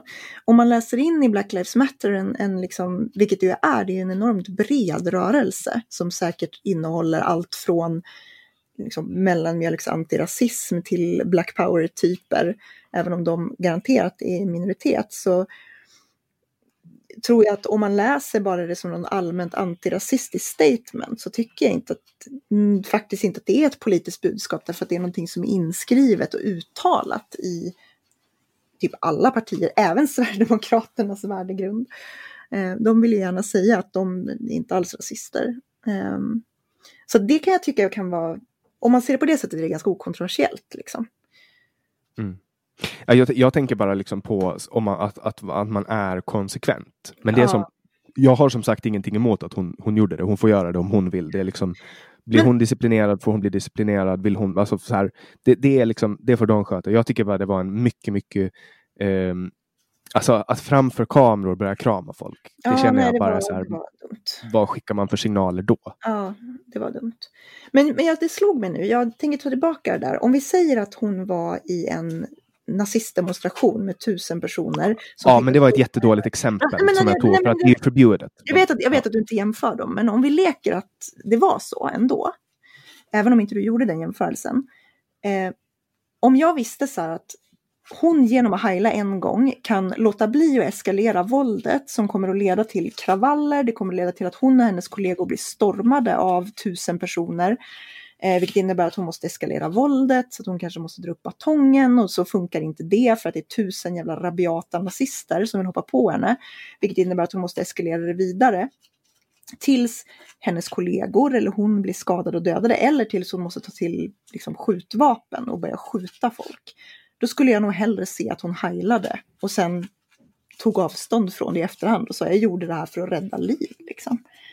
Jag tycker att så här, det är, man ska vara ideologiskt konsekvent men inte på bekostnad av precis vad som helst.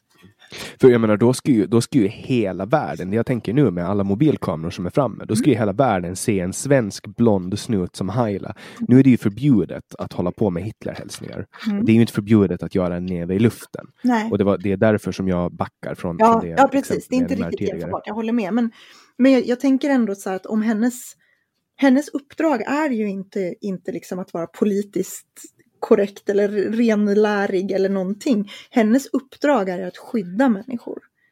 Mm. Men hon ska ju vara politiskt objektiv. Det är Mm. ju liksom Men vad är sagt. viktigast i det läget liksom? Alltså jag, tror jag tror ju inte att de här människorna nu kan ju inte jag hålla på med en sån analys, men det fanns ju väldigt många kameror. Skulle de här människorna gett sig på polisen, då skulle de ha blivit hittade och straffade. Liksom. Jo, Man men såg frågan är hur många som... Jo, men tänk, alltså, de, de hade ju kunnat... Många fler hade blivit skadade liksom. Jo, men just i den situationen, det var jättemånga gånger under den dagen som, som det blev liksom Mm. aggressiva stämningar. Varför skulle just där och då eh, en, en, dö, en dödligt våldssituation uppstå? Alltså jag tror inte att polisen skulle ha gett sig ut ur bilen om de bedömde att det var risk för dödligt våld. Förstår du vad jag menar? Nej, kanske inte. Men jag vet De är ju inte, inte utbildade för att kunna alltså. fatta sådana beslut. Alltså man Ja. ser ju på filmerna att det var så här, människor var lite upprörda och så här, men om man, alltså de är ju utbildade för att kunna läsa av sådana här situationer. Mm. De Alltså, var väl ganska nyutexaminerade dock, var de inte? Eh, Ja, jag vet att hon hade väl gått på en relativt ny polisutbildning också på Mm. Södertörn. Mm. Ja, just det. Ja, det, det gillade de säkert. De här jävla proffsgubbarna på Twitter. Ja, nej, det är ju, det är ju, det har ju fått lite kritik där. Att, Mm. eh, Nej, alltså men jag sen det här att jag, folk håller på och hänger ut henne personligen, Ja, det är väl så här.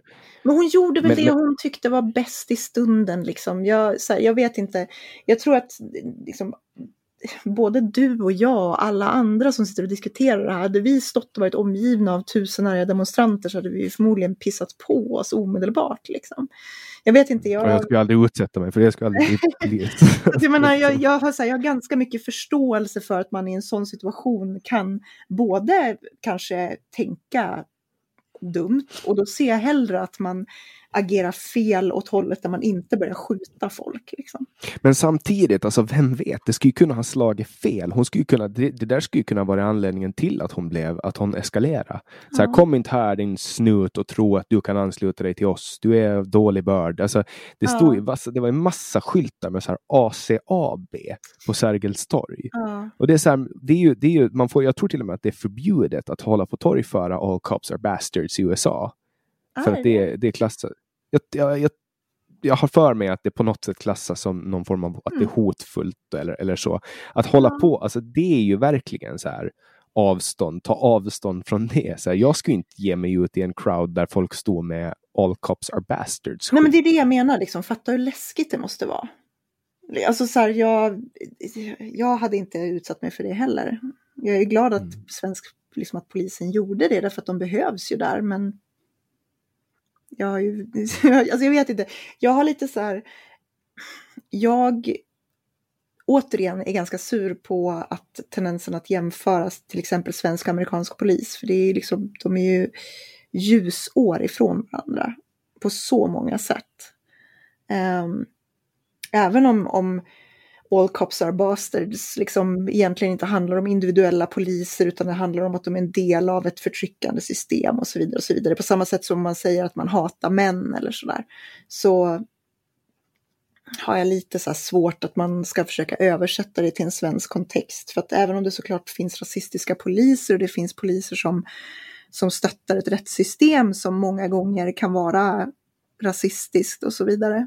Så har jag, alltså jag vet inte, jag, svensk polis har inte så jävla kul alla gånger heller.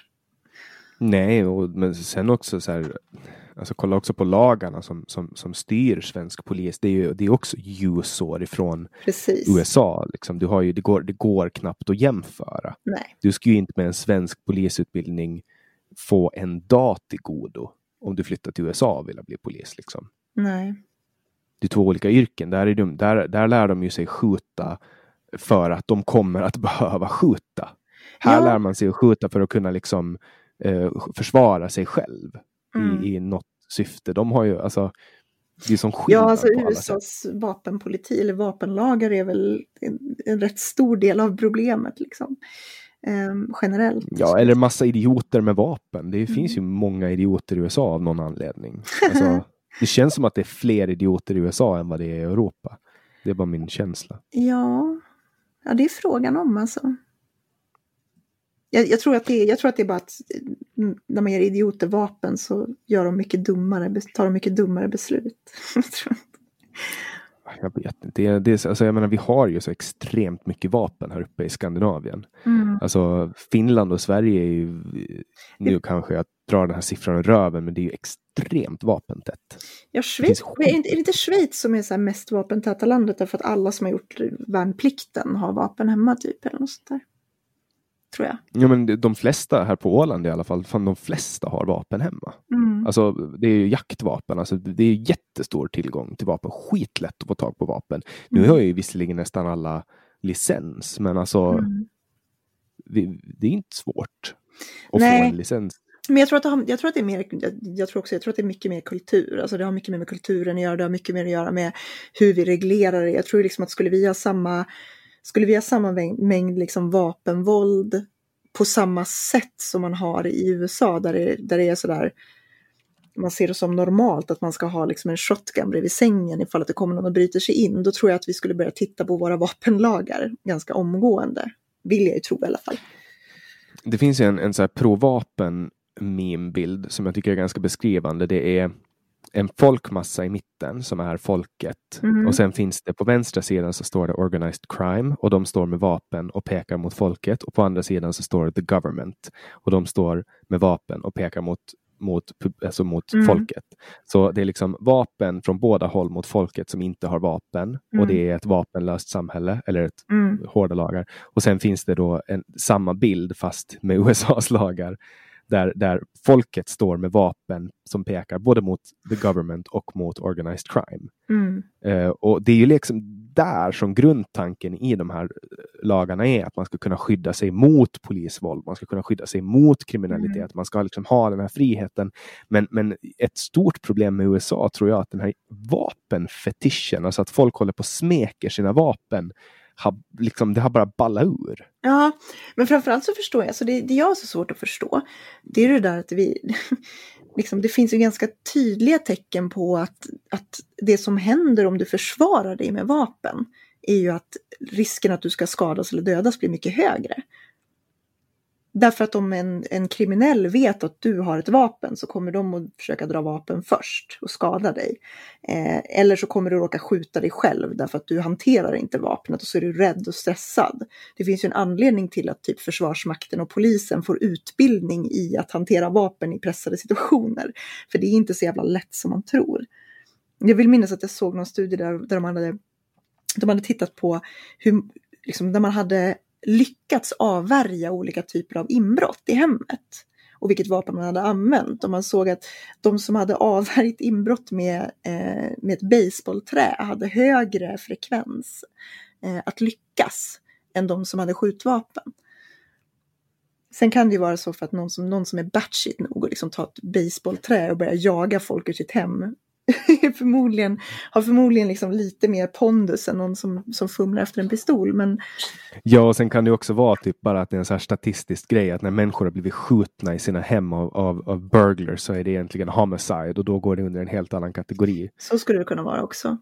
Men, det, det, det finns, man kan ju vrida statistik hur man vill, men ja, alltså, i grund och botten så tycker jag inte att det är något fel på tankarna som låg bakom den amerikanska konstitutionen.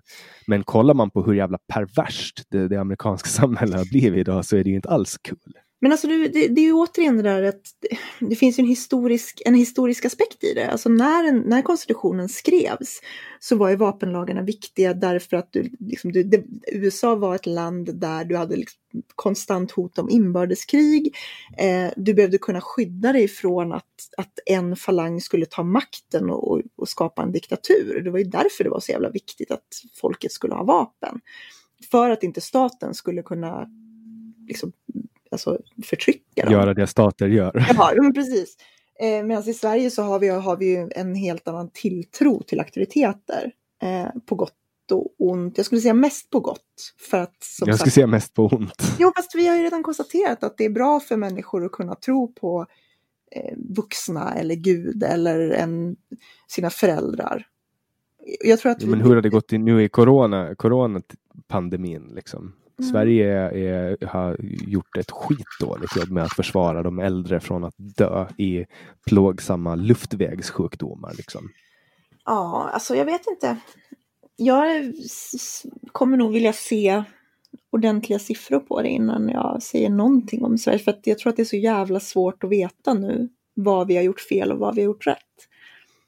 Jag kan, Alltså jag, tror, jag tror att, eller alltså min känsla nu, jag är ju bara en lekman, men alltså kolla, kolla på siffror där man, när man kollar på alltså, tillväxt. Det är tillväxten man har pratat om, att ja, vi Mm. stoppar tillväxten för mycket om vi sätter landet i lockdown. Men jämför med Finland och jämför med Sverige. Alltså, det är ju folket som ska bestämma hur man ska ta sig igenom de här situationerna. Och nu har man inte i Sverige har man inte liksom använt den politiska folkviljan till hur man ska hantera det, utan man har bara skjutit över det på byråkrater. För att min analys av det hela är att det är mycket lättare att skylla på Folkmyndigheten, sparka Anders Tegnell och avvisa honom till Danmark eller något land som tar emot honom, än Ja. att låta regeringen falla. ja, alltså, men jag- jag såklart tror att det och är- det är ju det politiska spelet liksom. Men, men jag, jag vet inte om jag är, är liksom redo att säga att Sveriges hantering har varit sämre än något annat lands hantering riktigt än. Har, Men till dags datum när vi spelar in det här, 8 juni 2020, så ser det ju inte så bra ut för Sveriges siffror. Alltså antal döda eller hur antal rullande döda per vecka. Alltså, Nej, men å andra sidan så har vi ju inte stängt ner samhället överhuvudtaget heller. Så det är frågan Nej, men om alltså den ekonomiska... Jo, men de ekonomiska effekterna, Sverige överpresterar inte gentemot något annat land när det kommer till tillväxt eller antal konkurser eller Nej, men jag tänker på typ, i, i Storbritannien så hade man ju lagt ut på ett par månader så hade man ju liksom lagt ut miljarder kronor på att hålla samhället flytande överhuvudtaget. Så att jag vet inte, tillväxt. Jo, men då, vad, är, vad är då vad är viktigast? Människoliv, alltså våra äldre, alltså de här människorna har men, ju kämpat. Jo, fast det här är ju, det, det jag läste om det, det var ju att de sa så här att många av de här människorna som har dött nu är sådana som ändå skulle ha dött inom ett år oavsett därför att de var så pass gamla. Eh, så att liksom, statistiken kommer att jämna ut sig på sikt troligen. Mm. Därför att även jo, men så, de... där har de, så där har de hållit på hela tiden. Det har varit Folkhälsomyndighetens eh, mantra. De har varit så här, jo men det där kommer att bli på, på tid. Men nu ser vi, nu har allting liksom så att ta upp diagram och kolla på Sveriges utveckling i nästan vilken, vilken nyckeltal som helst när det kommer till corona så börjar det stå klart att fan det här var inte bra. Nej, jag jämför ju bara med Finland. Liksom. Alltså jag tror, som sagt, jag tänker nog inte säga någonting om det. I och med att jag är total jävla lekman på det här området. Eh, så tänker jag att jag tror att vi behöver liksom komma ett år ifrån det för att kunna se effekterna av det överhuvudtaget. Därför Före att... Stefan Löfven fängslas. ja, men det kommer man inte göra ändå, därför att det finns ingen som visste hur man skulle hantera det. Det fanns ju inte det fanns ju inte liksom etablerade så här, vad som är bäst. Det var ingen som visste det. Inte Nej, då. Men att Sverige var så ensamma i sin, liksom, i sin analys. Jag menar, i, I Finland då var det ju finska regeringen som fattade beslutet. Där är det också en socialdemokratisk regering. Mm. Och de fattade beslutet att nu stänger vi ner samhället baserat på det som andra gjorde och baserat på det de trodde och det de gissade. Mm. Hur kunde Sverige vara liksom så annorlunda i sin analys? Lilla Sverige liksom. Jag förstår inte den grejen. Nej, alltså jag vet inte, det kan väl vara, Sverige är ju generellt, jag vet inte, jag tror att vi sätter någon sorts värde i att vi är så extremt oliktänkande och progressiva och ofta så är det ju en förbannelse mer än någonting annat. Men jag tänker också att om ingen vet, och det var ju också en ganska lång period där folk var så här, nej Sverige har jättebra, titta vad bra Sverige gör och, och så här. Så jag tror att vi kommer in och vända i den här historien några gånger till och sen får vi se vad vi landar i. Jag, jag tänker så här, som, som ändå har en, en politisk historia av två månaders parlamentarisk eh, erfarenhet, en mycket kort politisk karriär. Mm. Eh, men, men att man ska iaktta när man hanterar människoliv eller människors resurser eller pengar, då iakttar man försiktighetsprincipen. Mm. Av princip, liksom att man går inte ut och börjar storgambla. Det, det, är, liksom, det är bara min, min inställning, men jag, jag kan ha fel. Jag kan ha fel. Jo, man skulle kunna se det om man stänger ner samhället också. Innan man stänger ner hela samhället så ska man iaktta försiktighetsprincipen därför att innan vi börjar göra inskränkningar på människors frihet så måste vi ha bra jävla mycket på fötterna.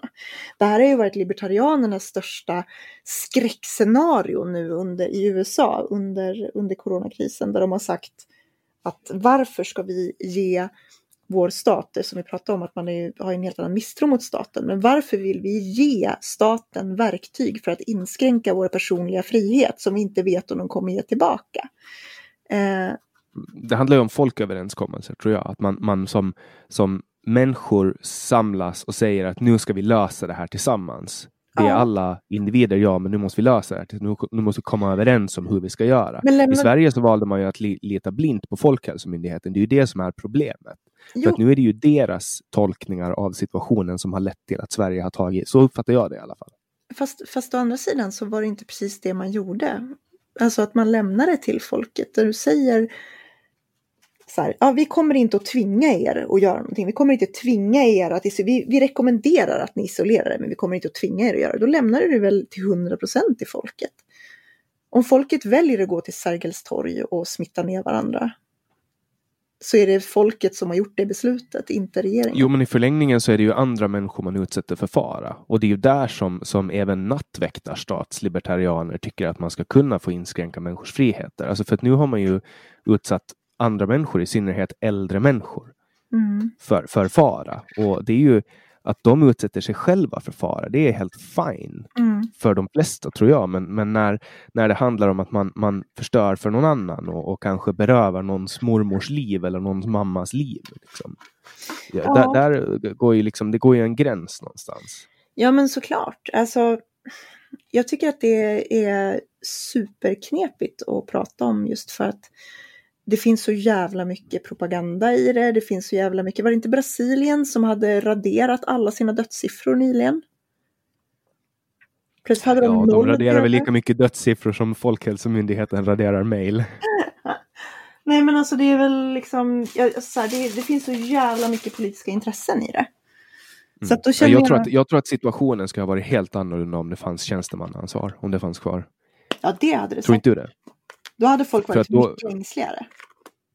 Ja, och då hade man kanske iakttagit försiktighetsprincipen som är helt fullständigt rimlig att ta i mm. alla lägen tycker jag som inte följer det så jättemycket utan jag kan gamla ganska högt. Mm. Men, men om jag ska hantera andra människors liv eller andra människors resurser då väljer jag att ta det säkra först. Så är det ju alltid inom sjukvård, inom polis eller militär. Ja, nej alltså jag vet inte, jag tycker att det, jag, jag tycker det ska bli väldigt intressant att se eh, på lite sikt hur, hur siffrorna faktiskt ser ut just för att jag, jag tycker att det är väldigt intressant med statistik och studier och sådana grejer. Eh, och jag kan tycka att det här också är väldigt intressant. Jag tycker, kommer tycka att det är jätteintressant att kunna titta på exakt var brast vi liksom i vår hantering? Var, vad var det vi gjorde som vi inte skulle ha gjort? Vad hade det för fördelar? Vad hade det för nackdelar? Inte bara liksom för oss i Sverige utan också på ett, liksom ett globalt perspektiv. Att kunna hantera. Det hade varit kul att, kul att se hur, hur det ska hanteras om det hade varit en annan regering i Sverige. Ja, hade det varit typ, ja, alltså jag tror ju, hade det varit liksom Sverigedemokraterna då hade man ju låst ner gränser. Man hade ju tagit alla ursäkter för att stänga gränserna. Det var ju först man gjorde i Danmark. Danmark älskar ju att stänga gränser, det är det bästa de vet. Så fort de får en ursäkt, bara, ah, nu stänger vi gränserna. um, men det bästa hade ju såklart varit om Kina kanske hade stängt sina gränser när, när eh, de började ja, de, var ju, de var ju upptagna med att låtsas som att det inte var något problem på gång. Liksom. Ja. Så det tycker jag också ska bli intressant att se om det blir några som helst konsekvenser för Kinas agerande. Det tror jag inte.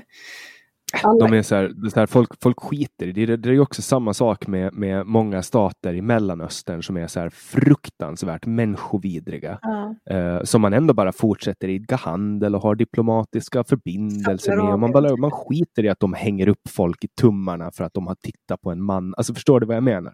Ja, alltså, alla är skyldiga Kina pengar också så att de är ju inte de är ju hållhakar ja. på typ allt. Ja, och sen de skulle de skulle kunna förgöra världen på en sekund om de fick mm. tråkigt. Liksom.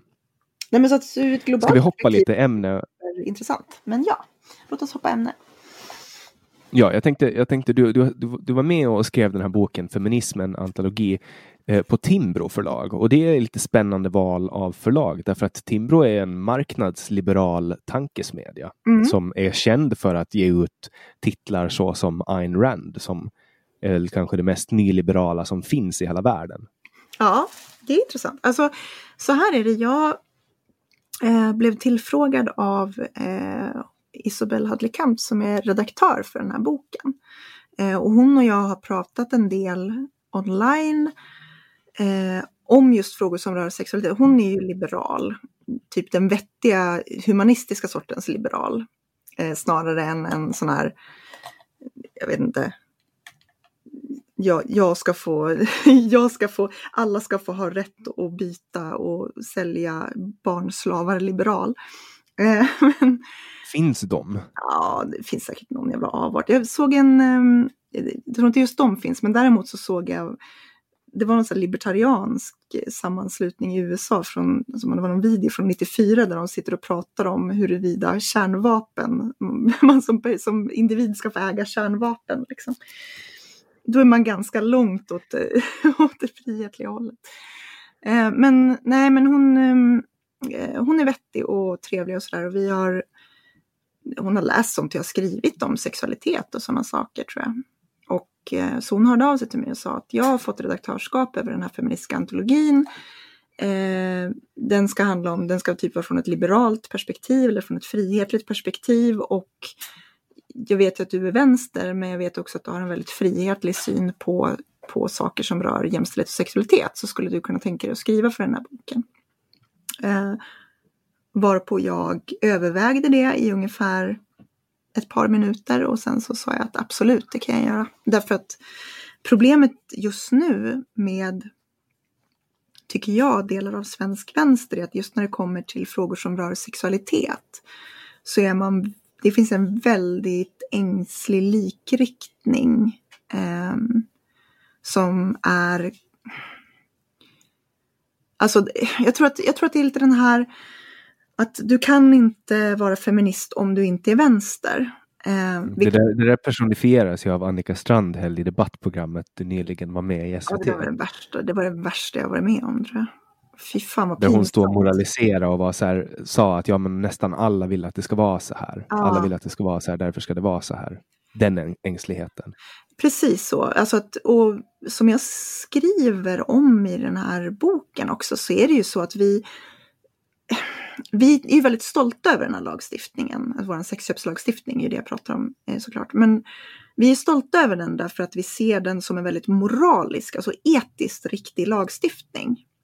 Och det är den ju på papper. Alltså, det vi har gjort är att vi har tagit en, gjort en feministisk analys. Om man ska snällt tolka så har vi gjort en feministisk analys där vi ser att okej, okay, eh, det finns en maktobalans som gör att det är fler kvinnor som säljer sex och fler kvinnor som köper det. Alltså så gör vi så att vi straffar inte de som är den svaga i, det här, i den här kriminella transaktionen, utan vi straffar bara den starka parten. Och det är så man har tänkt och det låter ju väldigt logiskt på många sätt. Eh, och min invändning är ju att det är inte riktigt, för det första så är det en konstig analys därför att Därför att det, det, det återspeglar sig inte i lagstiftningen i och med att de som säljer sex inte är offer i juridisk mening. Eh, du begår ett brott mot staten, inte mot den du köper sex av. Sen blir det ju också att eh, det blir ju fortfarande när man pratar med folk som, som håller på med sexarbete eh, så är det ju ofta så att de vittnar om att det här blir ett, ett indirekt straff istället. Ja. Att, att på pappret så är det så här, det är ju signalpolitik och all signalpolitik mm. blir ju alltid, det blir ju alltid någon, någon, någon alltså pervers version som, alltså av den, någon tolkning. Det blir ju alltid någon perversion någonstans. Mm. Någon jävla tumme som växer ut ur pannan eller något tänder som blir sneda. Det är alltid någonting som blir fel när man håller på med signalpolitik eller morallagar. Jag kan nog tänka mig att så här, det, jag har funderat mycket på det där och försökt komma på exempel på lag, sådana här lagar som har funkat. Och så har jag tänkt på till exempel när vi förbjöd att man slår sina barn. Eh, och så funderade jag på hur såg det ut när man gjorde det? För det skulle man ju kunna säga är en liknande typ av lagstiftning. Där man försöker ha normerande lagstiftning för att ändra beteenden. Och så undrade jag lite grann så här, hade, vad hade det för inverkan? Jag tror ju någonstans att så här, trenden ändras inte. Jag tror att trenden börjar ändras innan den normerande lagstiftningen kommer in, så att säga. Mm.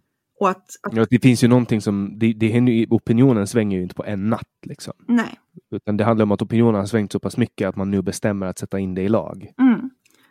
Um, och jag skulle jättegärna vilja se, liksom, om man, om man, det är ju jättesvårt att mäta, det är ju det som är problemet, men liksom, finns det en mätbar effekt? Jag tror ju till exempel att jag har svårt att tänka mig att det är färre som misshandlar sina partners för att det är förbjudet.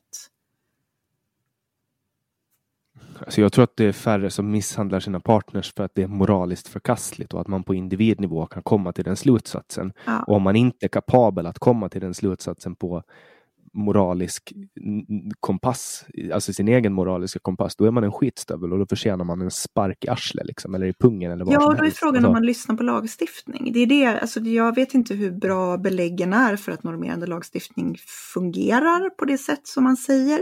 Framförallt... Men vi vet ju att det skadar väldigt många, till exempel narkotikapolitiken skadar ju extremt många och den är normerande. Den är precis, den är ju, eh, den är väldigt lik faktiskt vår diskussion om narkotika, narkotikalagstiftning i Sverige och den ovilja man har att faktiskt ifrågasätta den är ju väldigt lik den ovilja man har att ifrågasätta sexköpslagen. Därför att man har bara bestämt sig för att det är det här som är det moraliskt och etiskt riktiga. Och då spelar det ingen roll vad någon säger för att kritisera det. Därför att allting du säger för att kritisera det översätts till jaha, du tycker att det är bra att, ja, att folk köper sex från trafficking-offer och att barn knarkar ihjäl sig. Liksom.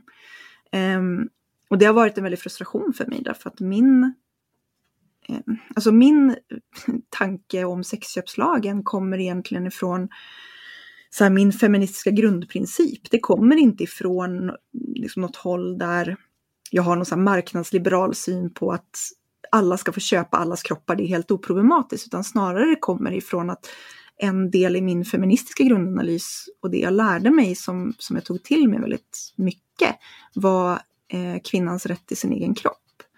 Eh, mm. Och det, där är ju, det låter ju väldigt liberalt för att ett liberalt perspektiv på det här handlar ju inte om att alla ska få köpa allas Nej. kroppar. Utan det handlar ju mer om att att allting, man, man, allting som du och jag kommer överens om ska du och jag få ingå ett kontrakt för. Alltså, om, om, om jag tycker att det är okej okay att du betalar för att spotta mig i ansiktet, mm. eh, då, då ett liberalt perspektiv så är det okej okay att, att göra så, även om det finns kanske någon smittskyddslag som förhindrar en från att spotta andra eller kanske är kränkning eller liknande, ja. så ska man kunna förhandla öppet liksom utan att staten går in och säger att nej, men ni får göra allt bara det är inte det där, för det där är liksom mm. ajabaja.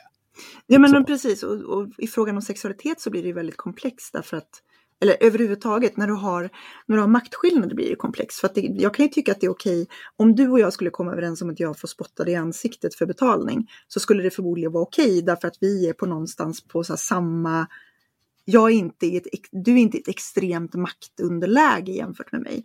Däremot om du skulle till exempel gå till eh, en tiggare utanför ICA och, och säga att du får en femma om jag får spotta dig i ansiktet så blir det ju problematiskt.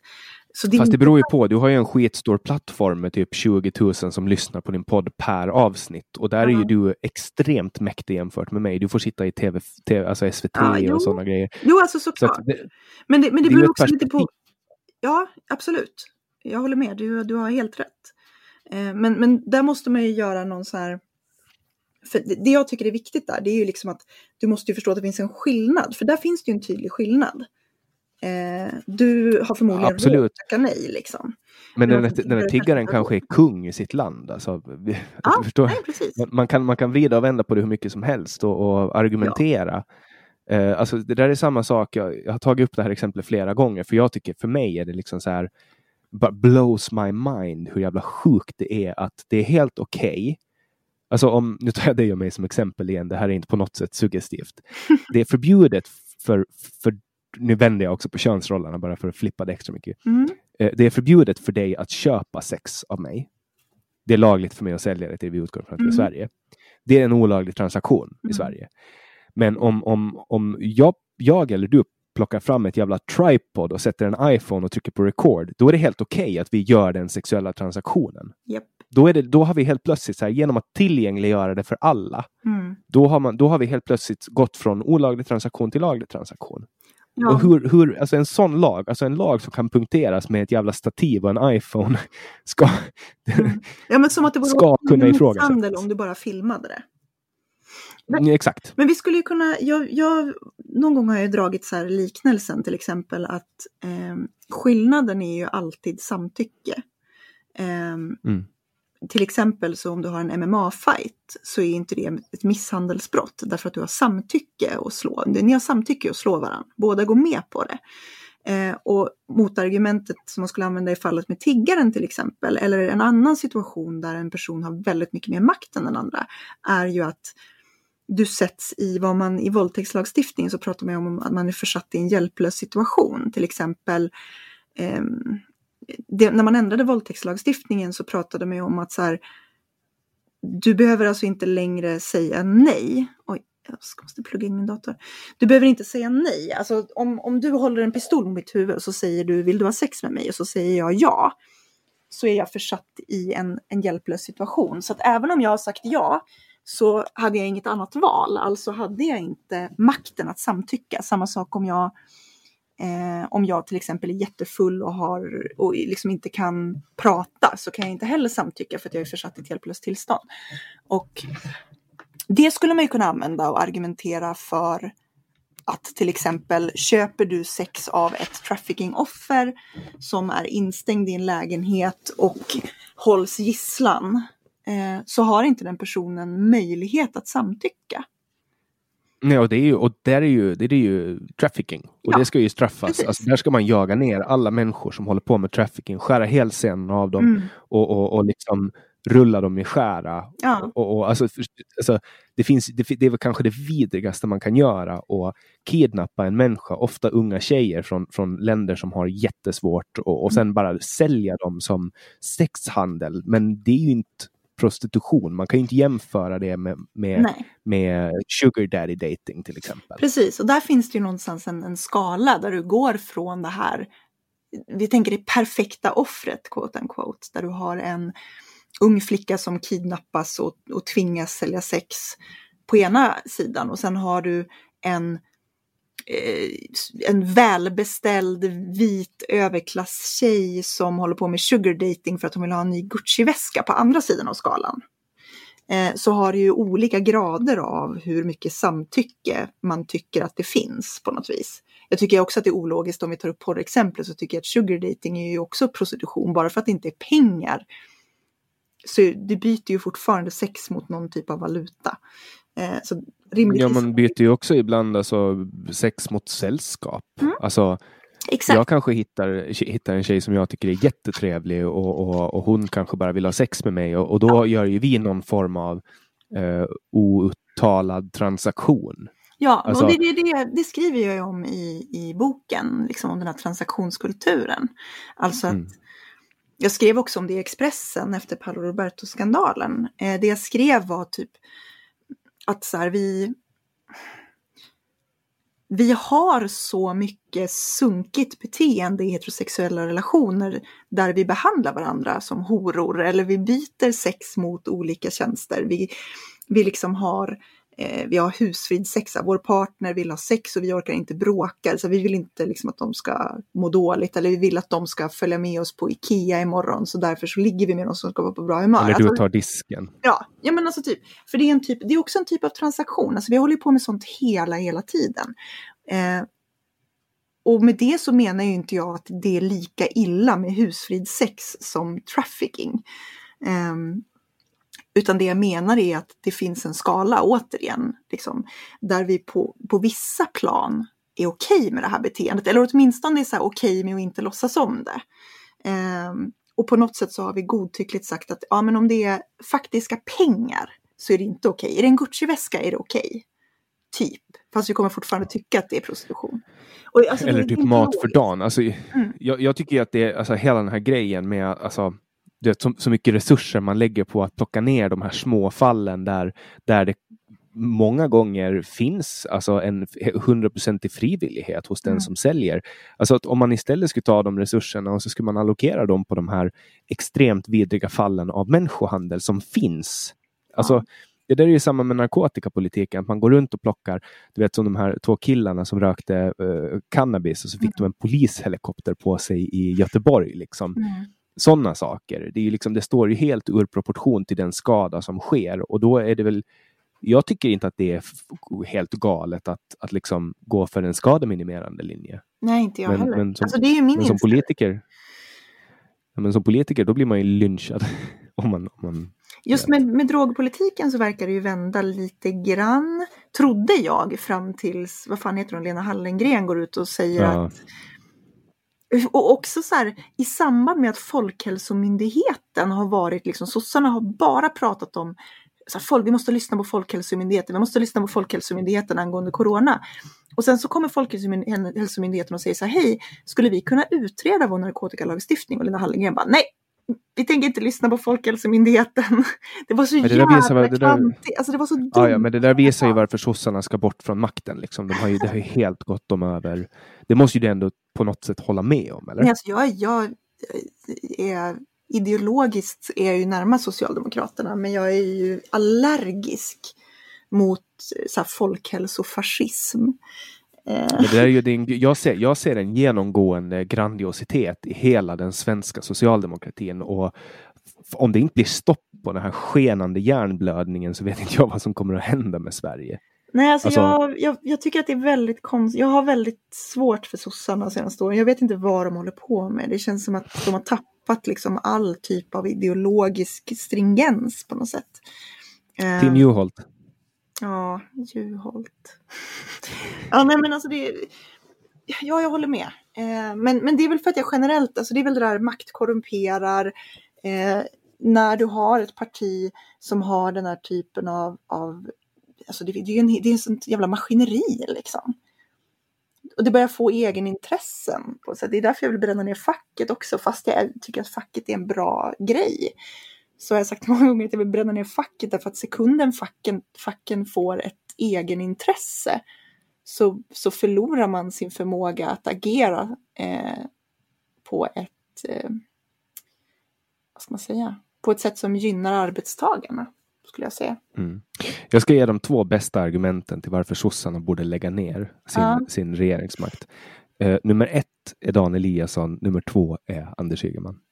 Mm, mm. That's all I'm saying. Allt är de vita männens fel. Ja, ja men det kan Eller hur? enas om. Det, det är bra.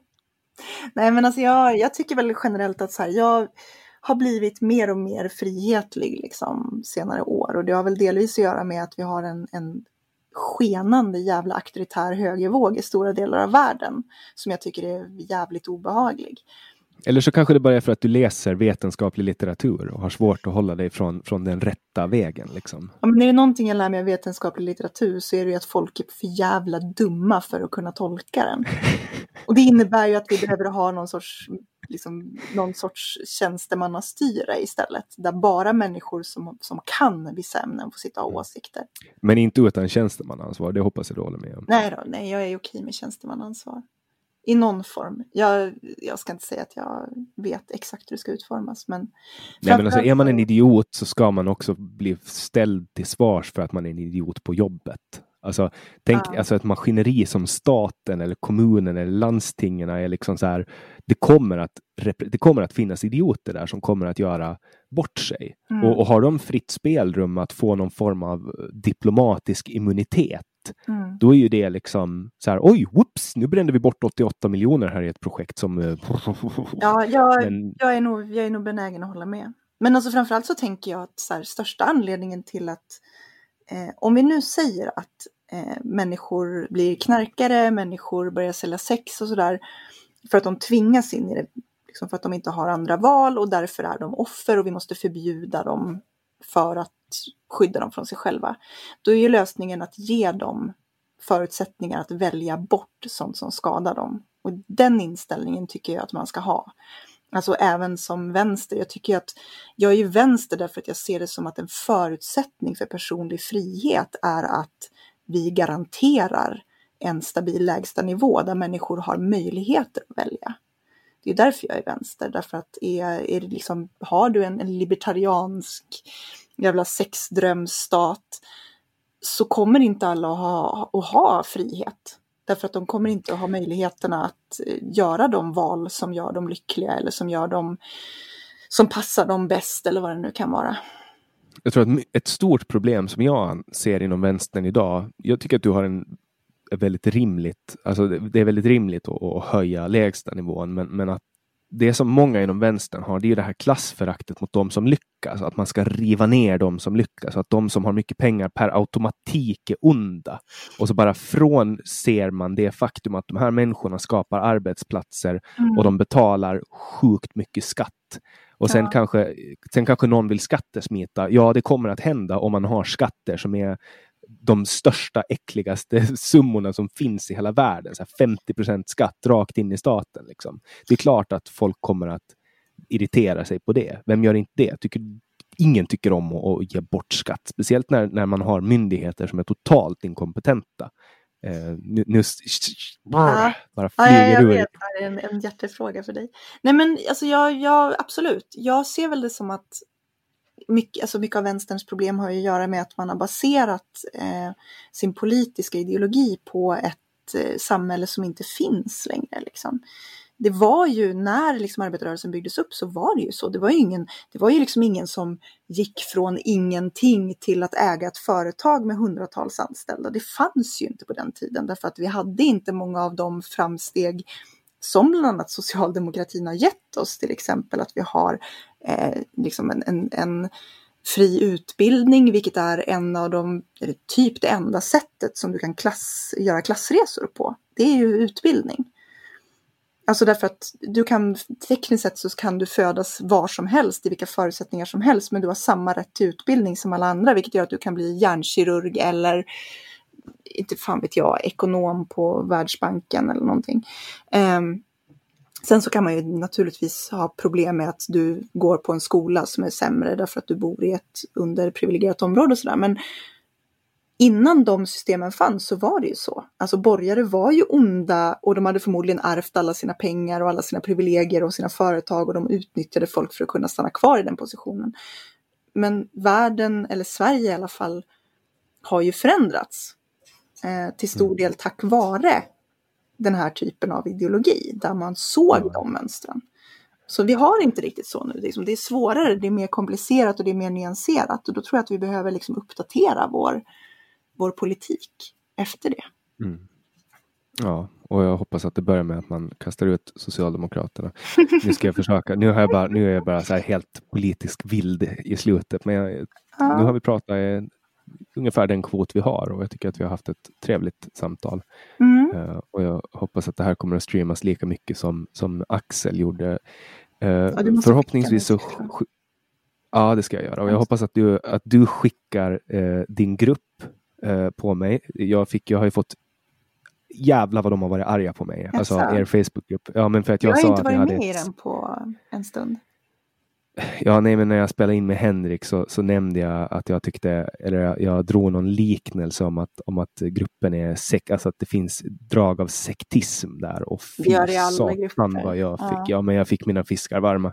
Nej, det finns så många människor i er grupp som, som hatar mig och jag tycker att det är bland det roligaste som finns eh, när, när arga vänstermänniskor liksom bara tänder igång men man behöver ju den typen av konflikter. Jag försöker ju inte kasta ut folk så mycket just för att det är så man håller sig vässad. Liksom. De ändrar, det är samma med blocka och sådär. Jag blockar väldigt sällan folk. De enda jag brukar blocka är, är sådana som uppenbarligen inte kan, alltså som inte fullföljer diskussioner, som inte diskuterar hederligt eller sådana som bara är förkorkade för att man ska kunna nå fram till dem eller lära sig någonting. Mm. Det... Du gör inte som Annika Strandhäll då? Drar bort alla som har olika åsikter. Så att det enda som reflekterar hennes Twitterflöde det är liktänkare. Alltså för jag förstår typ Annika, alltså jag har ju, vad jag, hon måste ju ha flera hundra, jag vet inte hur många, men jag har ju 15 000 någonting följare på Twitter. Och alltså en dag när jag liksom har blivit retweetad av Hanif Bali eller någon av de där som har en, en miljard jävla rasseföljare. Alltså jag, jag kan inte ens gå in på Twitter. Alltså jag känner hur min livsglädje bara försvinner för att allt du får är 50 miljarder kommentarer med folk som bara Åh, jävla vänstersvin, sossarna, bi, Alltså det, och det, är så här, det spelar ingen roll vad jag säger, det är liksom bara hat. Det är bara så här totalt onyanserad, onyanserade jävla buzzwords som inte ens har någonting att göra med det jag skrivit. Så att... Alltså jag tror att du kan trösta dig att, att en viss procentandel av dina följare gör samma sak när du retweetar Hanif Bali. Jag tror inte det. är en klen tröst. Nej men jag tror faktiskt inte det. Jag brukar faktiskt gå in och markera mot så här riktig jävla idioti ganska ofta. Men det är det där med ansvarsfrågan igen. Liksom. Jag ska inte säga att jag gör det i 100% av fallen, för att jag, jag, tycker att man måste få vara dryg. Så att så länge man är dryg på ett smart sätt så kommer jag låta dem vara dryga. Men går, går någon in och bara så här, ja jävla nassesvin, jag ska sparka ut tänderna på dig, så brukar jag faktiskt säga ifrån. Är det därför du alltid säger ifrån Axel? Ja, jag tar avstånd hela tiden. jag tycker det är, så här, det är väl bättre att säga någonting som, som har samma andemening men kanske inte är fullt så jävla brutalt. Ja, brottsligt tänkte jag säga. Ja, brottsligt. Men jättekul. Jag tänkte fråga så här, eh, din bok, är den tryckt fysiskt? Den är tryckt fysiskt. Man kan köpa den från Timbro för typ en 50-lapp. Eh, så att eh, om man inte har något emot att ge pengar till fienden så kan man, kan man köpa den där. Den är väldigt Eller bra. Jag, har... jag, tycker, jag tycker att du har låtit lite radikaliserad. Jag förvånar mig inte om du snart har skrivit en bok tillsammans med Mattias Svensson. Men Mattias Svensson är ju den typ av högermänniska som jag har mest gemensamt med. Det är precis det här som är grejen. Jag har ju, eftersom jag har fokuserat så mycket på liksom de frågor där jag är väldigt frihetlig. För att det är de som attackeras mest på senare tid. Alltså det är ju saker som som liksom, ja men du vet, jämlikhet och antirasism och liksom generellt frågor där jag är väldigt tolerant och frihetlig. Och de har ju varit under ganska hård attack. Eh, så att Mattias Svensson kan jag liksom ta en öl med och vi kan komma ganska bra överens så länge vi inte börjar prata skattepolitik. Liksom. Så att han är en bra sortens höger. Finns det någon möjlighet att vi kan få lotta ut ett exemplar av din bok, ett signerat exemplar till alla de som blir nya Patreons och ger mig pengar? Ja, men det är väl klart att vi kan lösa det. Det ska vara jättetrevligt. Så alla som går in och blir Patreons före den sista juni, väl ett rimligt datum, mm. så har chansen att delta i utlottningen av eh, Myra Åbäck Örmans bok, eller del av en bok, mm. Feminism, en antologi som har givits ut av Timbro. Mm. Och till alla andra som känner för att stödja det här i övrigt helt ideella projektet har möjlighet att swisha mig på 070-3522472. ni hittar numret på vår hemsida www.samtal.ax. Eh, ni kan också numera gå med i ett en diskussionsgrupp som jag har skapat eh, på Facebook. Jag har blivit inspirerad av Myra och hennes två ligister till kollegor som har en, en Facebookgrupp som helt uppenbarligen har visat sig funka väldigt bra när det gäller till att driva trafik. Så jag hoppas att ni vill gå med i den. Ni hittar länk på hemsidan som vanligt. Där kan ni också önska nya gäster. Jag får in ganska mycket önskemål och jag tycker att ni borde önska ännu mera därför att det gör att jag får en bredare syn i vad, vad ni vill höra. Och eh, var hittar man mera information om haveristerna? På er, har ni en hemsida? Um, ja, alltså vi har, man kan gå in på, min hemsida är Myranosaurus. som Tyrannosaurus fast med ett M. Uh, så om man går in på myranosaurus.se slash haveristerna så uh, får man lite länkar. Uh, vill man hitta mig så gör man det med mitt namn eller på myranosaurus.se där det också finns lite andra texter och sådär som jag inte har lagt upp någon annanstans. Och där kan ni också gå in och ge pengar till dem. Men jag rekommenderar starkt att ni väljer att ge pengar till mig istället eftersom jag behöver dem mycket mera än vad Jag behöver eh, dem också. Det är, det är bara Henko och Axel som är höginkomsttagare av oss tre. Så man kan swisha mig ja, men, också. Ja, men swisha, swisha även Myra. Där, där, där finns en, ändå en, en legit orsak. Jag tycker inte att Axel och, och Henko förtjänar mera pengar för att de har redan Rolex och Volvo-bilar med eh, touchskärmar och hela skiten. Ja, jag håller med. Jag har sagt åt dem att de måste sluta skryta om sina ägodelar i podden därför att det påverkar min inkomst. Och jag är bara alltså, de är, de är, de fattig kulturskribent. Alltså de är, de är riktiga, eh, riktiga rovkapitalister som vässer sina mustascher och har cylinderhattar och hela den här grejen. De, mm. de, de, de är ett hån mot oss proletärer som, som jobbar. jag håller med. Jag håller med till 100 procent. Och med det önskar jag er alla en jättefin vecka var ni än är när ni hör det här. Producent för det här samtalet var Didrik Svan. Jag heter Jannik Svensson och du har lyssnat på podcasten Samtal.